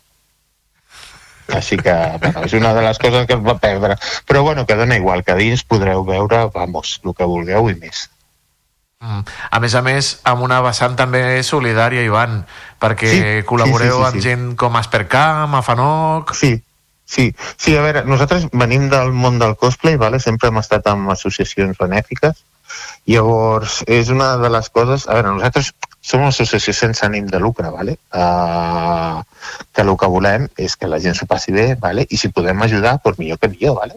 Llavors, eh, hi ha una secció de, de, de l'esdeveniment que deixem a, a, a diferents associacions, doncs, com tu has dit, Afanoc, Aspercam, San Filippo, a FECAR, bueno, hi ha unes quantes, els hi deixem una zona per ells, vale? amb uns estants gratuïts, on ells poden pues, explicar per lo que lluiten, per lo que treballen, vale? i després si poden eh, aconseguir, pues, bueno, ells venen les, el seu merchant i les seves coses, pues, si amb això també podem ajudar, pues, eh, sempre és una de les nostres coses primordials i en tots els esdeveniments que fem intentem, perquè de vegades no es pot per ells, no, no per nosaltres, intentem pues, que hi hagi una zona benèfica. I bé, i per anar tancant ja, Ivan, què no ens podem perdre d'aquest Star Record Limited? Una cosa que sí o sí la gent hi ha d'anar abans de, de marxar cap a casa o a qualsevol confí de la galàxia. És que te diria que tot, saps el que te dic? És que, a veure, jo intentaria, intentaria uh, anar a la xerrada de la Mediavilla perquè, bueno, totes les xerrades d'actors de doblatge són espectaculars, són màgiques, vale? després la presentació dels Aurones també pot ser molt divertida. Uh, la xerrada de l'Àxel, el dibuixant de, de fora també li, li, eh, li acompanyo la gent que ho faci i després tot, tot, és que tota la zona de Masters de l'Universo, Jurassic Park, eh, l'ARP, eh, Soft Combat, etc. Moltíssimes coses que ha totes. Sobre las nubes vemos volar a Iris y sus amigos en un avión muy peculiar. Los aurones. no no t'ho perdis, no t'ho perdis. Ah, no t'ho No, no, perdis, no. això, Aleix. Eh, anem, a, anem al fin de? A l'Estarraco, Doncs- Aleix? Passo jo, eh, segurament hi passi, o sigui, potser algun d'això. Jo sóc molt fan de Doctor Who, no sé si hi ha alguna cosa també... De... Pues a Doctor Who tenim una associació de Doctor Who. Eh? Mira. Doncs tenim jo- el club, comprar-te una tenim, tenim, sí, sí, sí, tenim el Club Doctor Who Espanya, vale? que allà també és un, és un, és un estat molt interessant, juntament amb els companys de Star Trek, i allà podràs trobar coses molt xules també. Doncs, li agradaria. Perquè, Sí, sí. una, TARDIS, pregunta, eh? Una va, ser, va, va, va ser tu el que tenia l'any passat un viatge a Londres? Sí, sí, vaig ser jo. Pues mira, Sí, sí. me he quedado con tu cara, ¿eh? Se, com no vinguis... L'any passat, vale, te lo cuento pel, pel viatge a Londres, però aquest any... Sí, sí, potser hi faig cap, sí. Moltíssimes gràcies. Vale, perfecte, genial. Ivan Carrasco, moltíssimes gràcies per acompanyar-nos un cop més aquí al carrer Major per parlar-nos d'aquesta fantàstica Star Trek Unlimited i que la força us acompanyi. Igualment. Ens veiem. Gràcies. Ens veiem Fins la propera. Carrer Major, la proximitat del Camp de Tarragona.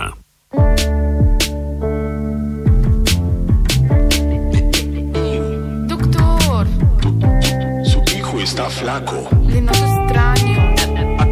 Atibórrelo. No quiero más puré, Qué rica la tortilla, apártame lo rojo de la ensaladilla. Si me das un guisante, me quedo como antes. Yo necesito un plato, o dos, o tres, o cuatro. Comida, la la la.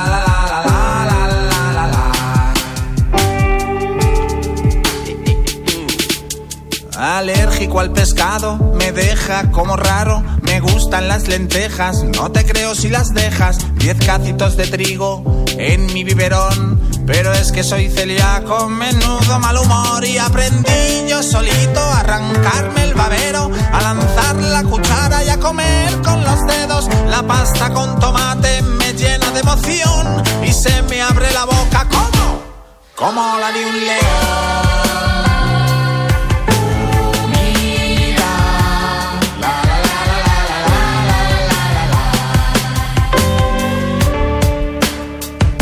Sabes que la comida es mucho más que llenarme la tripa sin razón. Una cosa es cuidar el percentil y otra cosa es llenar mi corazón. No quiero que me obliguen nunca más, sino como es por alguna Doncs vinga, que anem a parlar de, de comida, de comida, de comida, anem a parlar de menjar, perquè el proper 2 de març és el Dia Mundial contra l'Obesitat. És un dia dedicat a abordar el problema de l'obesitat, que molts cataloguen d'epidèmia mundial. Cal abordar el tema amb experts, i per això, com cada 15 dies, parlem amb el nostre nutricionista de capçalera, el Guille Mena, que el saludem. Guille, molt bona tarda. Molt bona tarda, com esteu tots? Molt rebé, molt rebé. La obesitat, com he dit al principi, és una epidèmia, Guille? Doncs ara mateix no et sabria dir si és epidèmia o ja és pandèmia. No? El que sí que et sé dir és que les dades són alarmants i aleshores a nivell de salut pública hi ha un, hi ha un, hi ha un problema important, sobretot quan estem parlant d'obesitat infantil i en territori espanyol que ja estem assolint i superant els números de, dels Estats Units. Per tant, la magnitud del problema ja estem en un llindar de que hem de posar accions eh, perquè si no aquest problema serà infrenable. Exacte, hi ha un problema, no, Guille, que té dos vessants, òbviament, potser l'obesitat en adults, però és més preocupant encara l'obesitat infantil? Bueno, en realitat és igual de preocupant, d'acord? Perquè l'obesitat en general és una malaltia que es cronifica si no es tracta a temps, ja, ja que hi ha molts factors involucrats, no només factors metabòlics i hormonals, sinó també factors com hàbits, no? i canviar hàbits ja sabem tots que és el més complicat que hi ha. Aleshores, ja no només per un tema de salut, sinó també per un pacte econòmic del, del país, eh, tenint en compte, per exemple, doncs, tots els fàrmacs que van associats, les malalties que són derivades de l'obesitat, com per exemple els problemes cardiovasculars o les diabetes, les dislipidèmies, doncs és tot com un efecte dominó.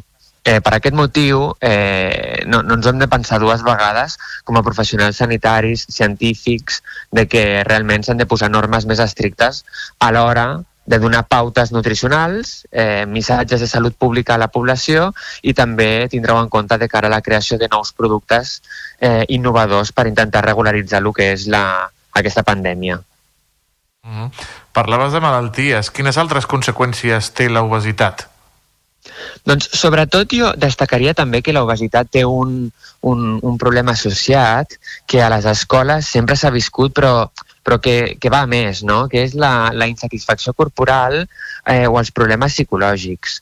Eh, eh, és, és un factor que d'alguna manera eh, està, està reportat científicament, però que no se li dona tota la importància que, que deu. És a dir, una persona quan, quan està per sobre del seu pes, no? i quan estem parlant de nens, normalment eh, pateixen d'assetjaments a, a nivell escolar.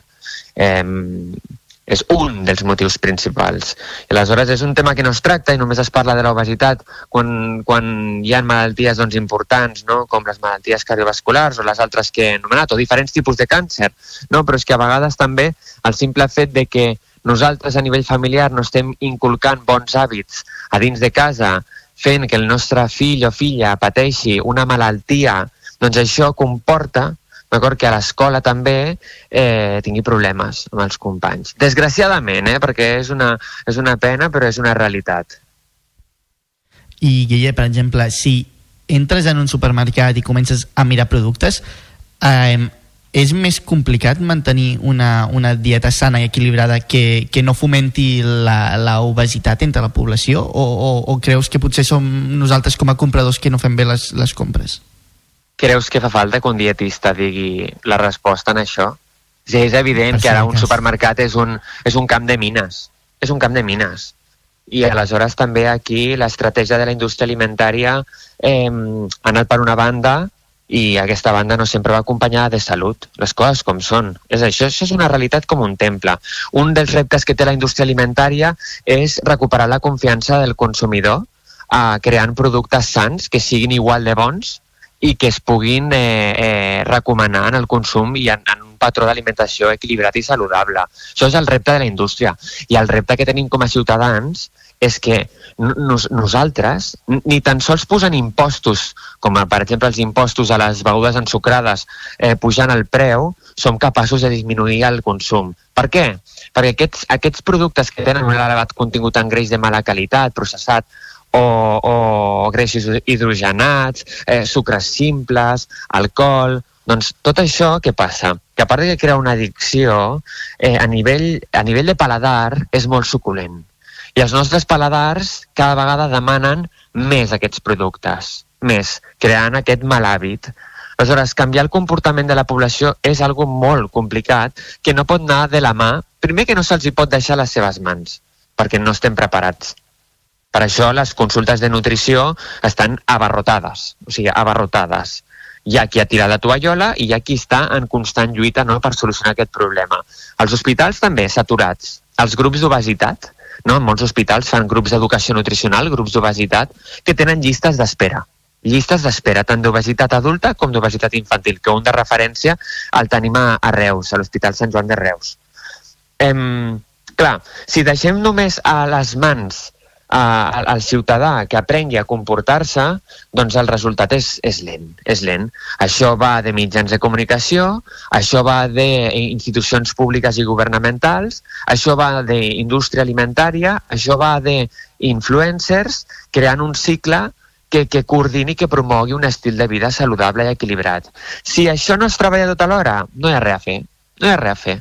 Perquè podem remar un cap a un costat, l'altre cap a l'altre, i l'únic que estem veient és que les dades empitjoren. Es, bueno, l'any passat es van mantindre, però la tendència és, és devastadora. I, sem, i sento ser tan tètric, no? Però, però realment no, hi, ha un, hi ha un problema que hem de solucionar. Parles també de la promoció dels hàbits saludables, del menjar i de la investigació. Investigació, per exemple, que estàs fent tu mateix, no? Uh, Parla'ns d'aquestes investigacions que estàs desenvolupant, Guille. Bueno, no, no les estic desenvolupant jo sol. Jo tinc la sort de, de poder estar treballant, eh, eh, liderant un equip d'innovació dins d'una un, una, empresa del sector alimentari, que és Global Fruselva, i, i junt amb la Universitat de, de Barcelona, que és el campus de l'alimentació, un, un departament que es diu eh, Nutrition Cell Signaling, i amb la Universitat de les Illes eh, Balears, amb el, amb el, amb el Centre d'Investigació dins la unitat de Nuco, estem, estem elaborant junt amb una startup, Ingredalia, eh, nous aliments funcionals a base de eh, fruites, verdures, hortalisses, eh, tubercles, eh, nous aliments funcionals per la prevenció de l'obesitat i que es puguin incorporar eh, a amb, amb, a dins del patró d'alimentació d'un nen.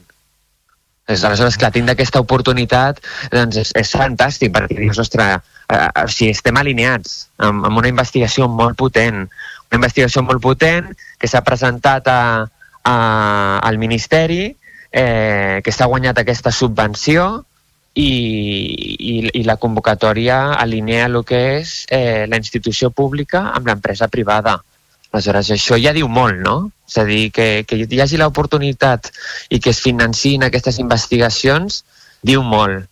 I això és un pas, i això és un pas de molts que es fan, però falta més. Petits passos importants eh, que fa el nostre nutricionista, el Guillemena, eh, per cuidar-nos a tots eh, des del carrer Major al programa de les 8 emissores del Camp de Tarragona i la xarxa de comunicació local. Guille, com sempre, un plaer escoltar-te i tornem a parlar d'aquí 15 dies de més temes interessants eh, per cuidar-nos per fora i per dins. Moltíssimes gràcies. Que vagi molt, molt bé la tarda. Una abraçada, Guille. Adéu, adéu. Carrer Major, la proximitat del Camp de Tarragona.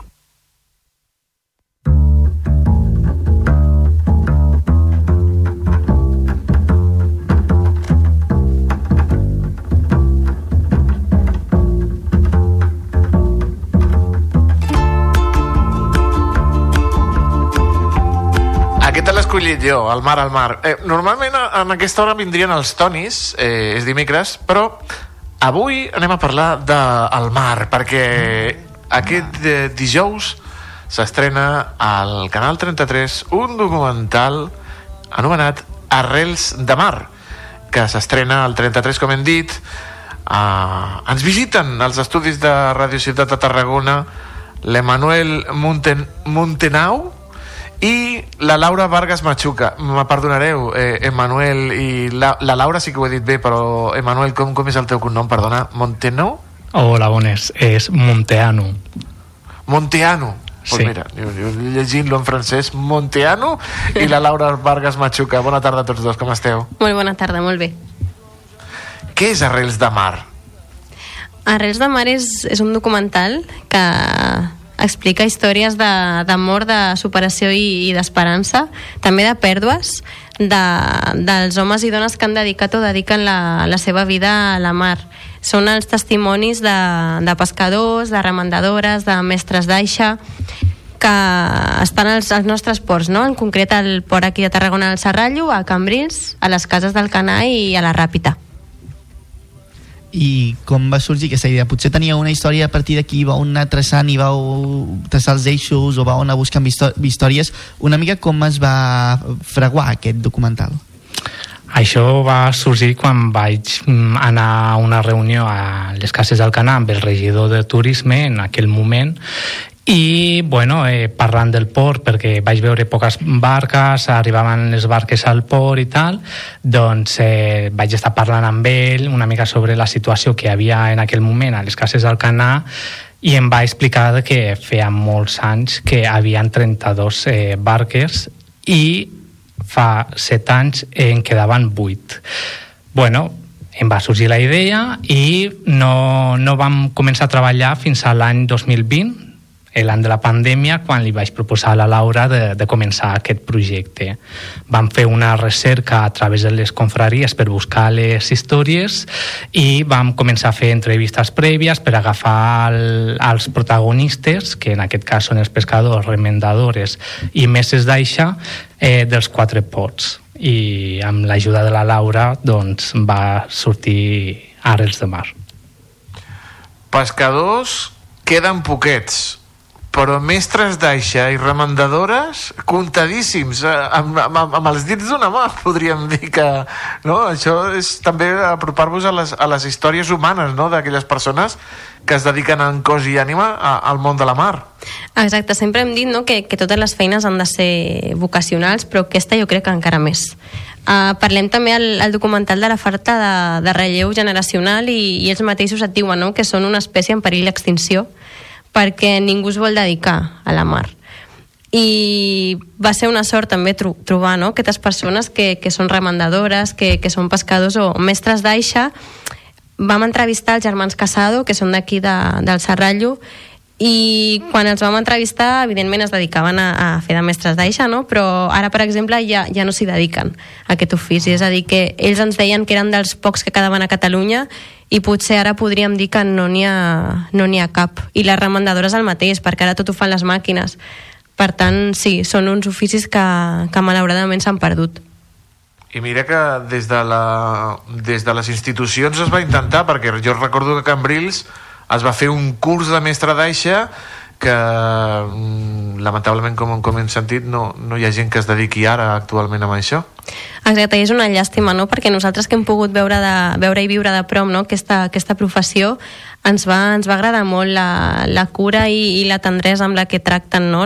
Les, les eines, les embarcacions, eh, com estimen la seva feina. Crec que si la gent ho, ho visqués des de dins o tingués algú proper que s'hi dediqués a aquest ofici, doncs li entrarien ganes no? de, de, de almenys provar-ho i després doncs, ja dedicar-se a una cosa o una altra, però també és veritat que com dèiem abans, ja avui dia tot ho fan les màquines o els ordinadors o, o, o altres maneres que no sigui tan artesanes, no? Uh, la gent es desencanta, perd aquest interès i busca altres oficis on es pugui guanyar bé la vida. I també volíem preguntar una mica com ha estat el, el funcionament, com, com heu treballat en aquest equip, com us heu integrat també una mica en les vides d'aquestes persones vinculades al mar, també què és necessari a l'hora d'enregistrar de, i captar tota aquesta essència de, de, de la gent que viu de cara al mar? Bueno, nosaltres, eh, com hem dit abans, vam contactar amb les confraries dels quatre ports i a través d'ells ens van anar proposant històries i gent que es dedica no, a la mar. Eh, ens vam desplaçar a cada port, vam fer unes entrevistes prèvies per conèixer bé totes les històries. Eh, com estàvem en pandèmia, també vam tenir una mica la mala sort de tenir que esperar-nos un any de 2020 a 2021 per poder començar la gravació perquè tenies que anar amb seguretat bueno, amb mascarilla i tal i eh, a través de les entrevistes vam crear tot el guió no? que, que parlem del passat el present i el futur de, de la pesca, no? d'aquest ofici de, de la mar els heu acompanyat, no? Heu pujat a la barca a, a pescar eh, i heu vist que, ui, és una feina guapíssima. Es menja molt bé, això sí, eh? El, bordo, el ranxo de bordo és espectacular, però...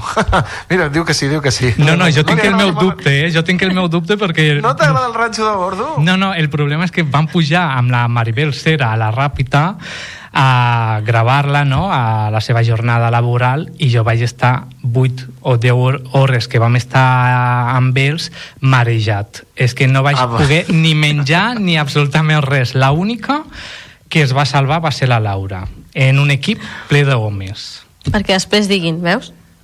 No, no, no, no, no, no, no, es diu, no, no, no, no, sí, està demostradíssim, Laura, està demostradíssim que els altres, mira, els valents... Eh, No, i va, Ah, va, ser, va ser molt guai el poder sortir a, a pescar, no? En, en aquest cas amb la Maribel Cel, de les poques pescadores que, que hi ha a la Ràpita, perquè valores, com dèiem abans, igual que amb els mestres d'Aixa, valores també la tasca de, dels pescadors i més d'ella d'una persona sent, sent una dona, no? En, en un món que en principi és d'homes, que s'hi dediqui a aquest ofici i que a més el seu pare i el seu germà li donin suport i li obrin les portes, doncs ens va, ens va semblar meravellós i per això és una de les històries més potents, podríem dir, d'aquest documental. Però sí, viure in situ el, una jornada de pesca et fa valorar molt més aquell peix que després tens al plat. El vau estrenar el documental per Sant Pere, el patró dels pescadors, eh, ara arriba al Canal 33, ojo, eh, a la televisió de Catalunya. Com van els nervis i, i com va ser la reacció del públic el dia de l'estrena? Bueno, nosaltres vam fer estrenes a diferent, bueno, als quatre ports de, de la província, no? a on vam estar gravant. Ho vam estrenar també per la televisió TAC12, la televisió d'aquí de, de Tarragona, i ara estem amb molts nervis per demà a la nit per, per veure-ho a, a través del canal 33, no? És una plataforma, bueno, és eh, la televisió de Catalunya i et fa molta il·lusió no? que, que t'arribi la contestació de, de TV3 que estan interessats eh, en, el, en el documental. Sí, a més I- també hem estat parlant amb, amb els protagonistes no? de, de Res de Mar i també estan molt contents i amb moltes ganes de veure'l i, i per tant nosaltres més encara perquè al final és, és la recompensa de la nostra feina però també a la d'ells, no? perquè sense les seves històries és, aquest documental no, no seria el que és ni hagués arribat on, on està. Sí, perquè seguint amb aquest binomi, no, binomi mar-persones, què heu après durant aquest documental? Quins avantatges us en porteu? Creieu que la societat del Camp de Tarragona i també les Terres de l'Ebre viu de cara al mar o realment només ho fan aquell grup reduït de persones? Jo crec que no els hi donem l'esquena, però sí que és veritat que podríem viure una miqueta més de cara al mar, no? Hem de valorar molt, i més aquests dies que, que és notícia no? al, al sector primari, hem de valorar molt més la, la feina que, que fan aquests professionals i aquestes professionals. En, és el que dèiem abans, no és només el peix que t'emportes a la boca, és que és tot el que hi ha al darrere, és, és, estàs jugant amb el pa de la gent, no? És, és una manera de viure. Aquí al Xerrallo, per exemple, ells t'ho diuen igual, no? que sí, que són tarragonins, però al final són serrallencs i serrallenques, és, és, és una, com, com una espècie de banda, no ens deien ells al final. Vull dir que sí, que vivim de cara al mar, però, però podríem fer-ho molt més, i aquest documental al final també és una, és una reivindicació a això, a que, a que estiguem vivint més de cara al mar i, i valorem, valorem la, la feina que fan. Home, i tant, el Serrallo, ja ho saps, és una república independent i també a Cambrils eh, la gent de mar i la gent de poble o ets, o ets de poble o ets, de, o ets pescador o ets, o ets bolero o ets mariner però no, no, són, són dues espècies ben diferents demà al canal 33 en quina hora el podrem veure? A les 23.05. De... Bona hora. Sí, Sí, sí, Ara sí. perfecte, ja has acabat de sopar, ja estàs tranquil·let Home, al i sofà, ja està, no hi ha res millor. amb un, amb un descafeinat Amb un no descafeinat perdre i tant. A més, estàs de juernes, vull dir que ja gairebé estàs al cap de setmana, doncs és que no hi ha millor pla. Això l'Aleix que encara és jove, el Juernes aquest. doncs eh, no sé si desitjar... Bueno, molta merda ja, ja, ja ha estat estrenat i tot això, però sempre va bé, no? Sempre. Exacte. Emanuel Monteanu i Laura Vargas Machuca, moltíssimes gràcies eh, per acompanyar-nos aquesta tarda al carrer Major. Recordin, demà al 33, eh, Arrels de Mar. Una abraçada i que vagi molt i molt bé. Moltíssimes gràcies. Gràcies. Cada tarda de dilluns a divendres fem parada a Carrer Major.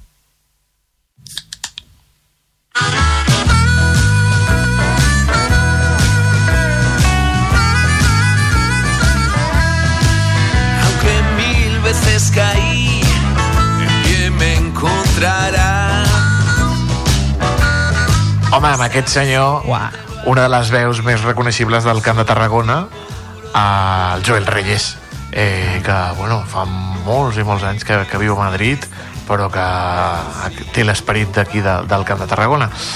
Ens ho explica? Qui, qui ens ho explica, això? Eh, Doncs el David Aleix. Fernández, no? David Fernández, sí senyor. Hem Hola Toni, hola Aleix, molt bona tarda. Això que Hola. estem escoltant avui és un blues, ja ho podeu veure, i es diu El blues del perdedor.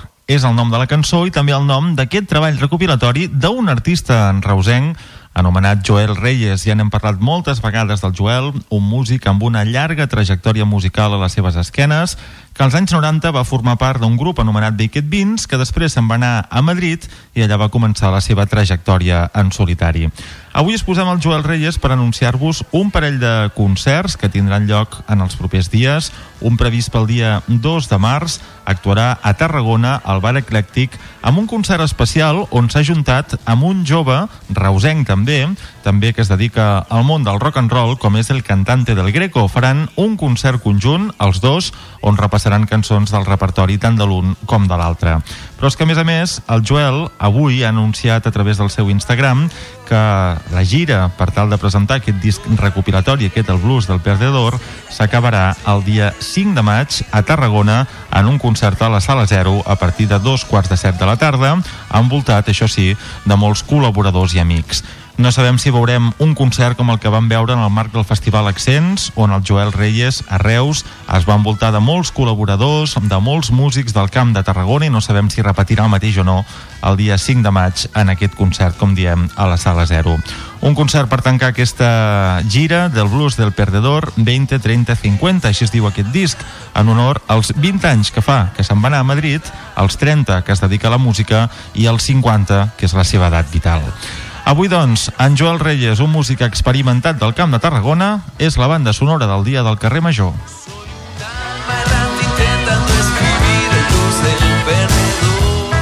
Gràcies, David Fernández, amb aquest blues del perdedor del Joel Reyes, i anem amb una guanyadora. amb la Cristina Artacho i la seva furgoneta express. Fas, cada vegada ho fas millor, Aleix, això del Has finyo vist? finyo. A final de temporada veuràs no, no sabràs temporada- diferenciar entre la furgo i jo. Ah, Exacte, no, no sabrem qui és qui. Eh, anem a parlar amb la Cristina Artacho a veure per on para avui. Cristina Artacho, molt bona tarda. Dia més aquí a la Furgó. Avui sóc a l'Hospitalet de l'Infant, concretament aquí a l'Institut de l'Hospitalet de l'Infant, perquè venim a parlar d'unes sessions d'educació emocional que condueix la dona que m'acompanya aquí al costat, que és la Verònica García, que és coach i educadora emocional. Unes sessions que aquest curs 2023-2024 s'han començat a fer per primera vegada aquí a l'Institut de l'Hospitalet de l'Infant, però que la Verònica ja venia fent en altres municipis com Montroig i Miami Platja, no? No sé si... La Verònica diu que el que ensenya ella és la comunicació emocional. No sé si ens pots explicar ben bé en què consisteixen aquestes sessions que tu condueixes. I tant, hola, bona tarda. Bueno, t'explico. Eh, és una fusió que he fet jo, no?, de mm, el que seria la part de comunicació i la part de la gestió emocional. La gestió emocional és entendre eh, i acceptar les emocions que tenim i saber el que ens passa en cada moment i la comunicació seria eh, com parlo jo als altres, com m'afecta el que em diuen i sobretot la part de diàleg intern. Tot això ho fusiono en, en unes sessions pràctiques i dinàmiques que ofereixo als instituts. unes sessions que ofereixes als instituts i per, i per tant treballes amb, amb joves, amb adolescents. Quina importància té des de precisament aquestes edats, 12, 13, 14 anys, començar a treballar en l'educació emocional i en com gestionar les emocions? Bueno, l'adolescència és un període difícil en quant que hi ha un canvi a nivell fisiològic potent, a nivell psicològic i sobretot a, nivell social. Eh, a nivell emocional és super important que entenguin que les emocions que senten i les emocions que tenen són naturals, però que poden eh, regular i controlar les reaccions que tenen amb aquestes emocions, no? sense aquella impulsivitat, perquè al final la impulsivitat el que fa és que siguem una mica titelles de les nostres emocions i al final acabem fent coses que no volem fer, dient coses que no volem dir i, i tenim un lío. És a dir, que tu els ensenyes en certa manera no, en aquests adolescents que no podem evitar moltes vegades sentir-nos com ens sentim o que les coses ens afectin d'una manera cadascú a la seva, no? perquè el mateix comentari pot afectar completament diferent una persona a una altra, sinó que hem d'aprendre a com reaccionem a aquests estímuls que ens fan sentir de manera X o Y. Hem d'entendre que les reaccions que, que tenim provoquen pues, unes conseqüències. Depenent del que fem, seran unes o seran altres. Intentem sempre fer eh, les coses de manera que, que siguem lliures de sentir-nos bé fent el que fem. És el primer any que estàs fent aquestes sessions aquí a l'Institut de l'Hospitalet de l'Infant, encara que ja tens experiència no? en altres instituts d'altres localitats. No sé quin, quina rebuda té aquesta, aquestes classes no? entre els adolescents, quin feedback reps d'ells? Bueno, als adolescents a mi m'agrada molt eh, fer les sessions eh, sola a classe eh, amb joves perquè mm, així es poden obrir i explicar-me eh, les coses que, que els preocupa. No? És superinteressant veure com tenen la visió des de, des de l'adolescència, totalment diferent de la que podem tenir des de, des d'adults. Eh, I és perquè a nivell cerebral eh, totalment immadura tota la part de, de toma de, de, de, de presa de decisions i, i, i d'impulsivitat i això els hi fa que necessitin tota la nostra paciència i flexibilitat per, per, per acompanyar-los en aquesta etapa. És superimportant. Amb ells i elles els agrada veure com jo els hi parlo de tu a tu i els ensenyo aquest respecte de no perquè jo sigui adulta sé més, no perquè jo ja hagi sigut adolescent ara et tracto a tu diferent, no? Jo em poso de tu a tu, que és com els hi agrada, escoltant el que els hi passa, sempre des de la meva visió intentar aconsellar que és el millor en cada moment per la seva vida posar el focus des de joves en no, aquestes emocions i en aquests sentiments farà molt probablement que quan aquests adolescents siguin adults sàpiguen també gestionar molt millor certs, certs problemes o certs moments de la vida? Clar que sí.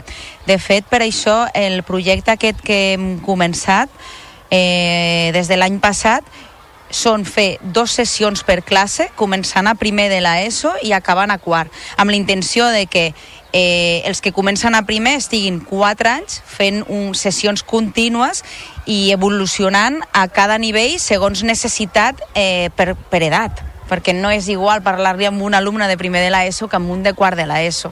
Tenen necessitats totalment diferents. Llavors, el que jo faig és adaptar al, al projecte eh, les seves necessitats. Quan són petits els hi dones aquesta informació que és la que necessiteu ara i quan van creixent els hi dono una altra informació. Ells aprenen a gestionar-se, aprenen a entendre com, com poden regular aquesta impulsivitat i fer coses de manera més eficient i més útil i, i això, clar, estem fent que els joves adults aconsegueixin ser doncs, uns adults autosuficients en quant a gestió emocional i que entenguin molt millor com funcionen les emocions, com funcionen els pensaments, com funcionen el diàleg intern.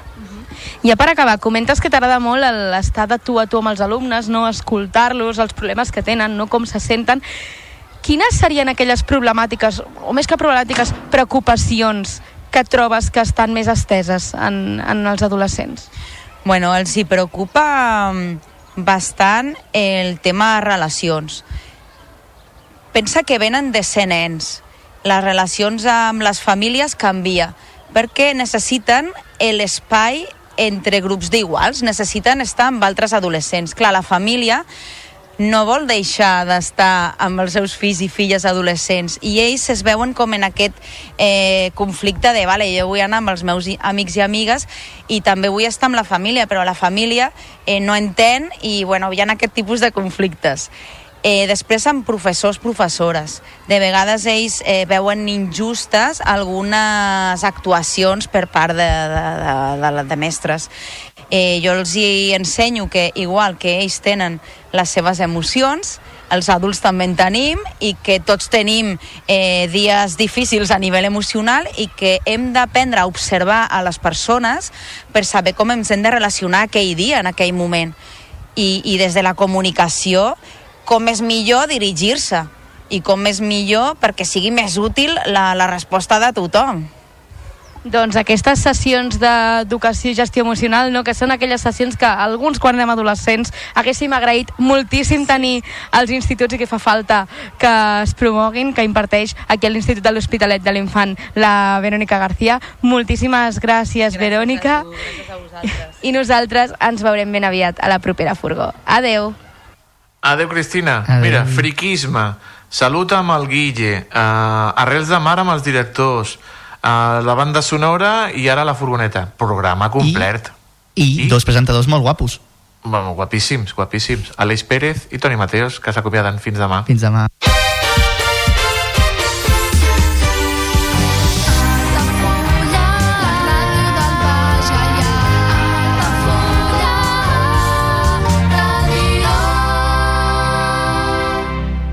Ja coneixes les propostes que t'ofereix el Club Marítim Altafulla? Vine i descobreix totes les nostres activitats. Sortides en caiac o pa del surf, cursos de vela per a totes les edats. No t'ho perdis. Club Marítim Altafulla. Obert tot l'any i per a tothom. Comunions 2024. Dates ja disponibles amb sales privades, jardí, pàrquing privat i la millor gastronomia. Més informació i reserves al 977 65 11 55 i a comercial arroba altafullamarotel.com o al web altafullamarotel.com. Les teves celebracions familiars a l'Altafulla Mar Hotel. Com una làmina glaçada de records i tresors et fa por trepitjar-la caure avall. Si es desfà sota els teus peus i no saps què t'espera, seràs capaç de superar-ho lluny de l'oblit. Si te'n vas, no tinguis por de tot el que deixes enrere. Avui seràs capaç d'acabar-ho amb un crit. Si te'n vas, no tinguis por que tot el que acaba comença avui serà un dia nou sabràs dir adeu crida que farem trontollar el món brotarà del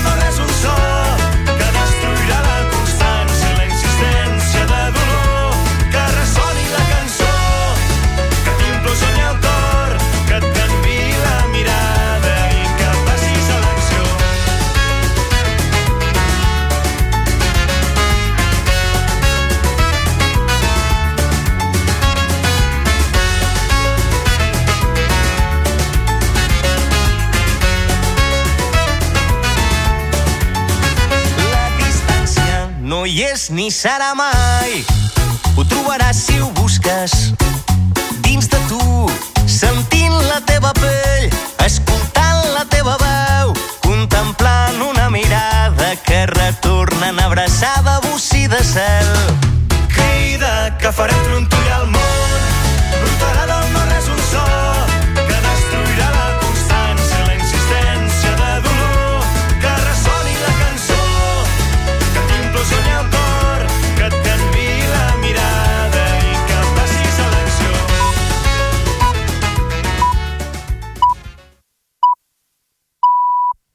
Són les 6 de la tarda.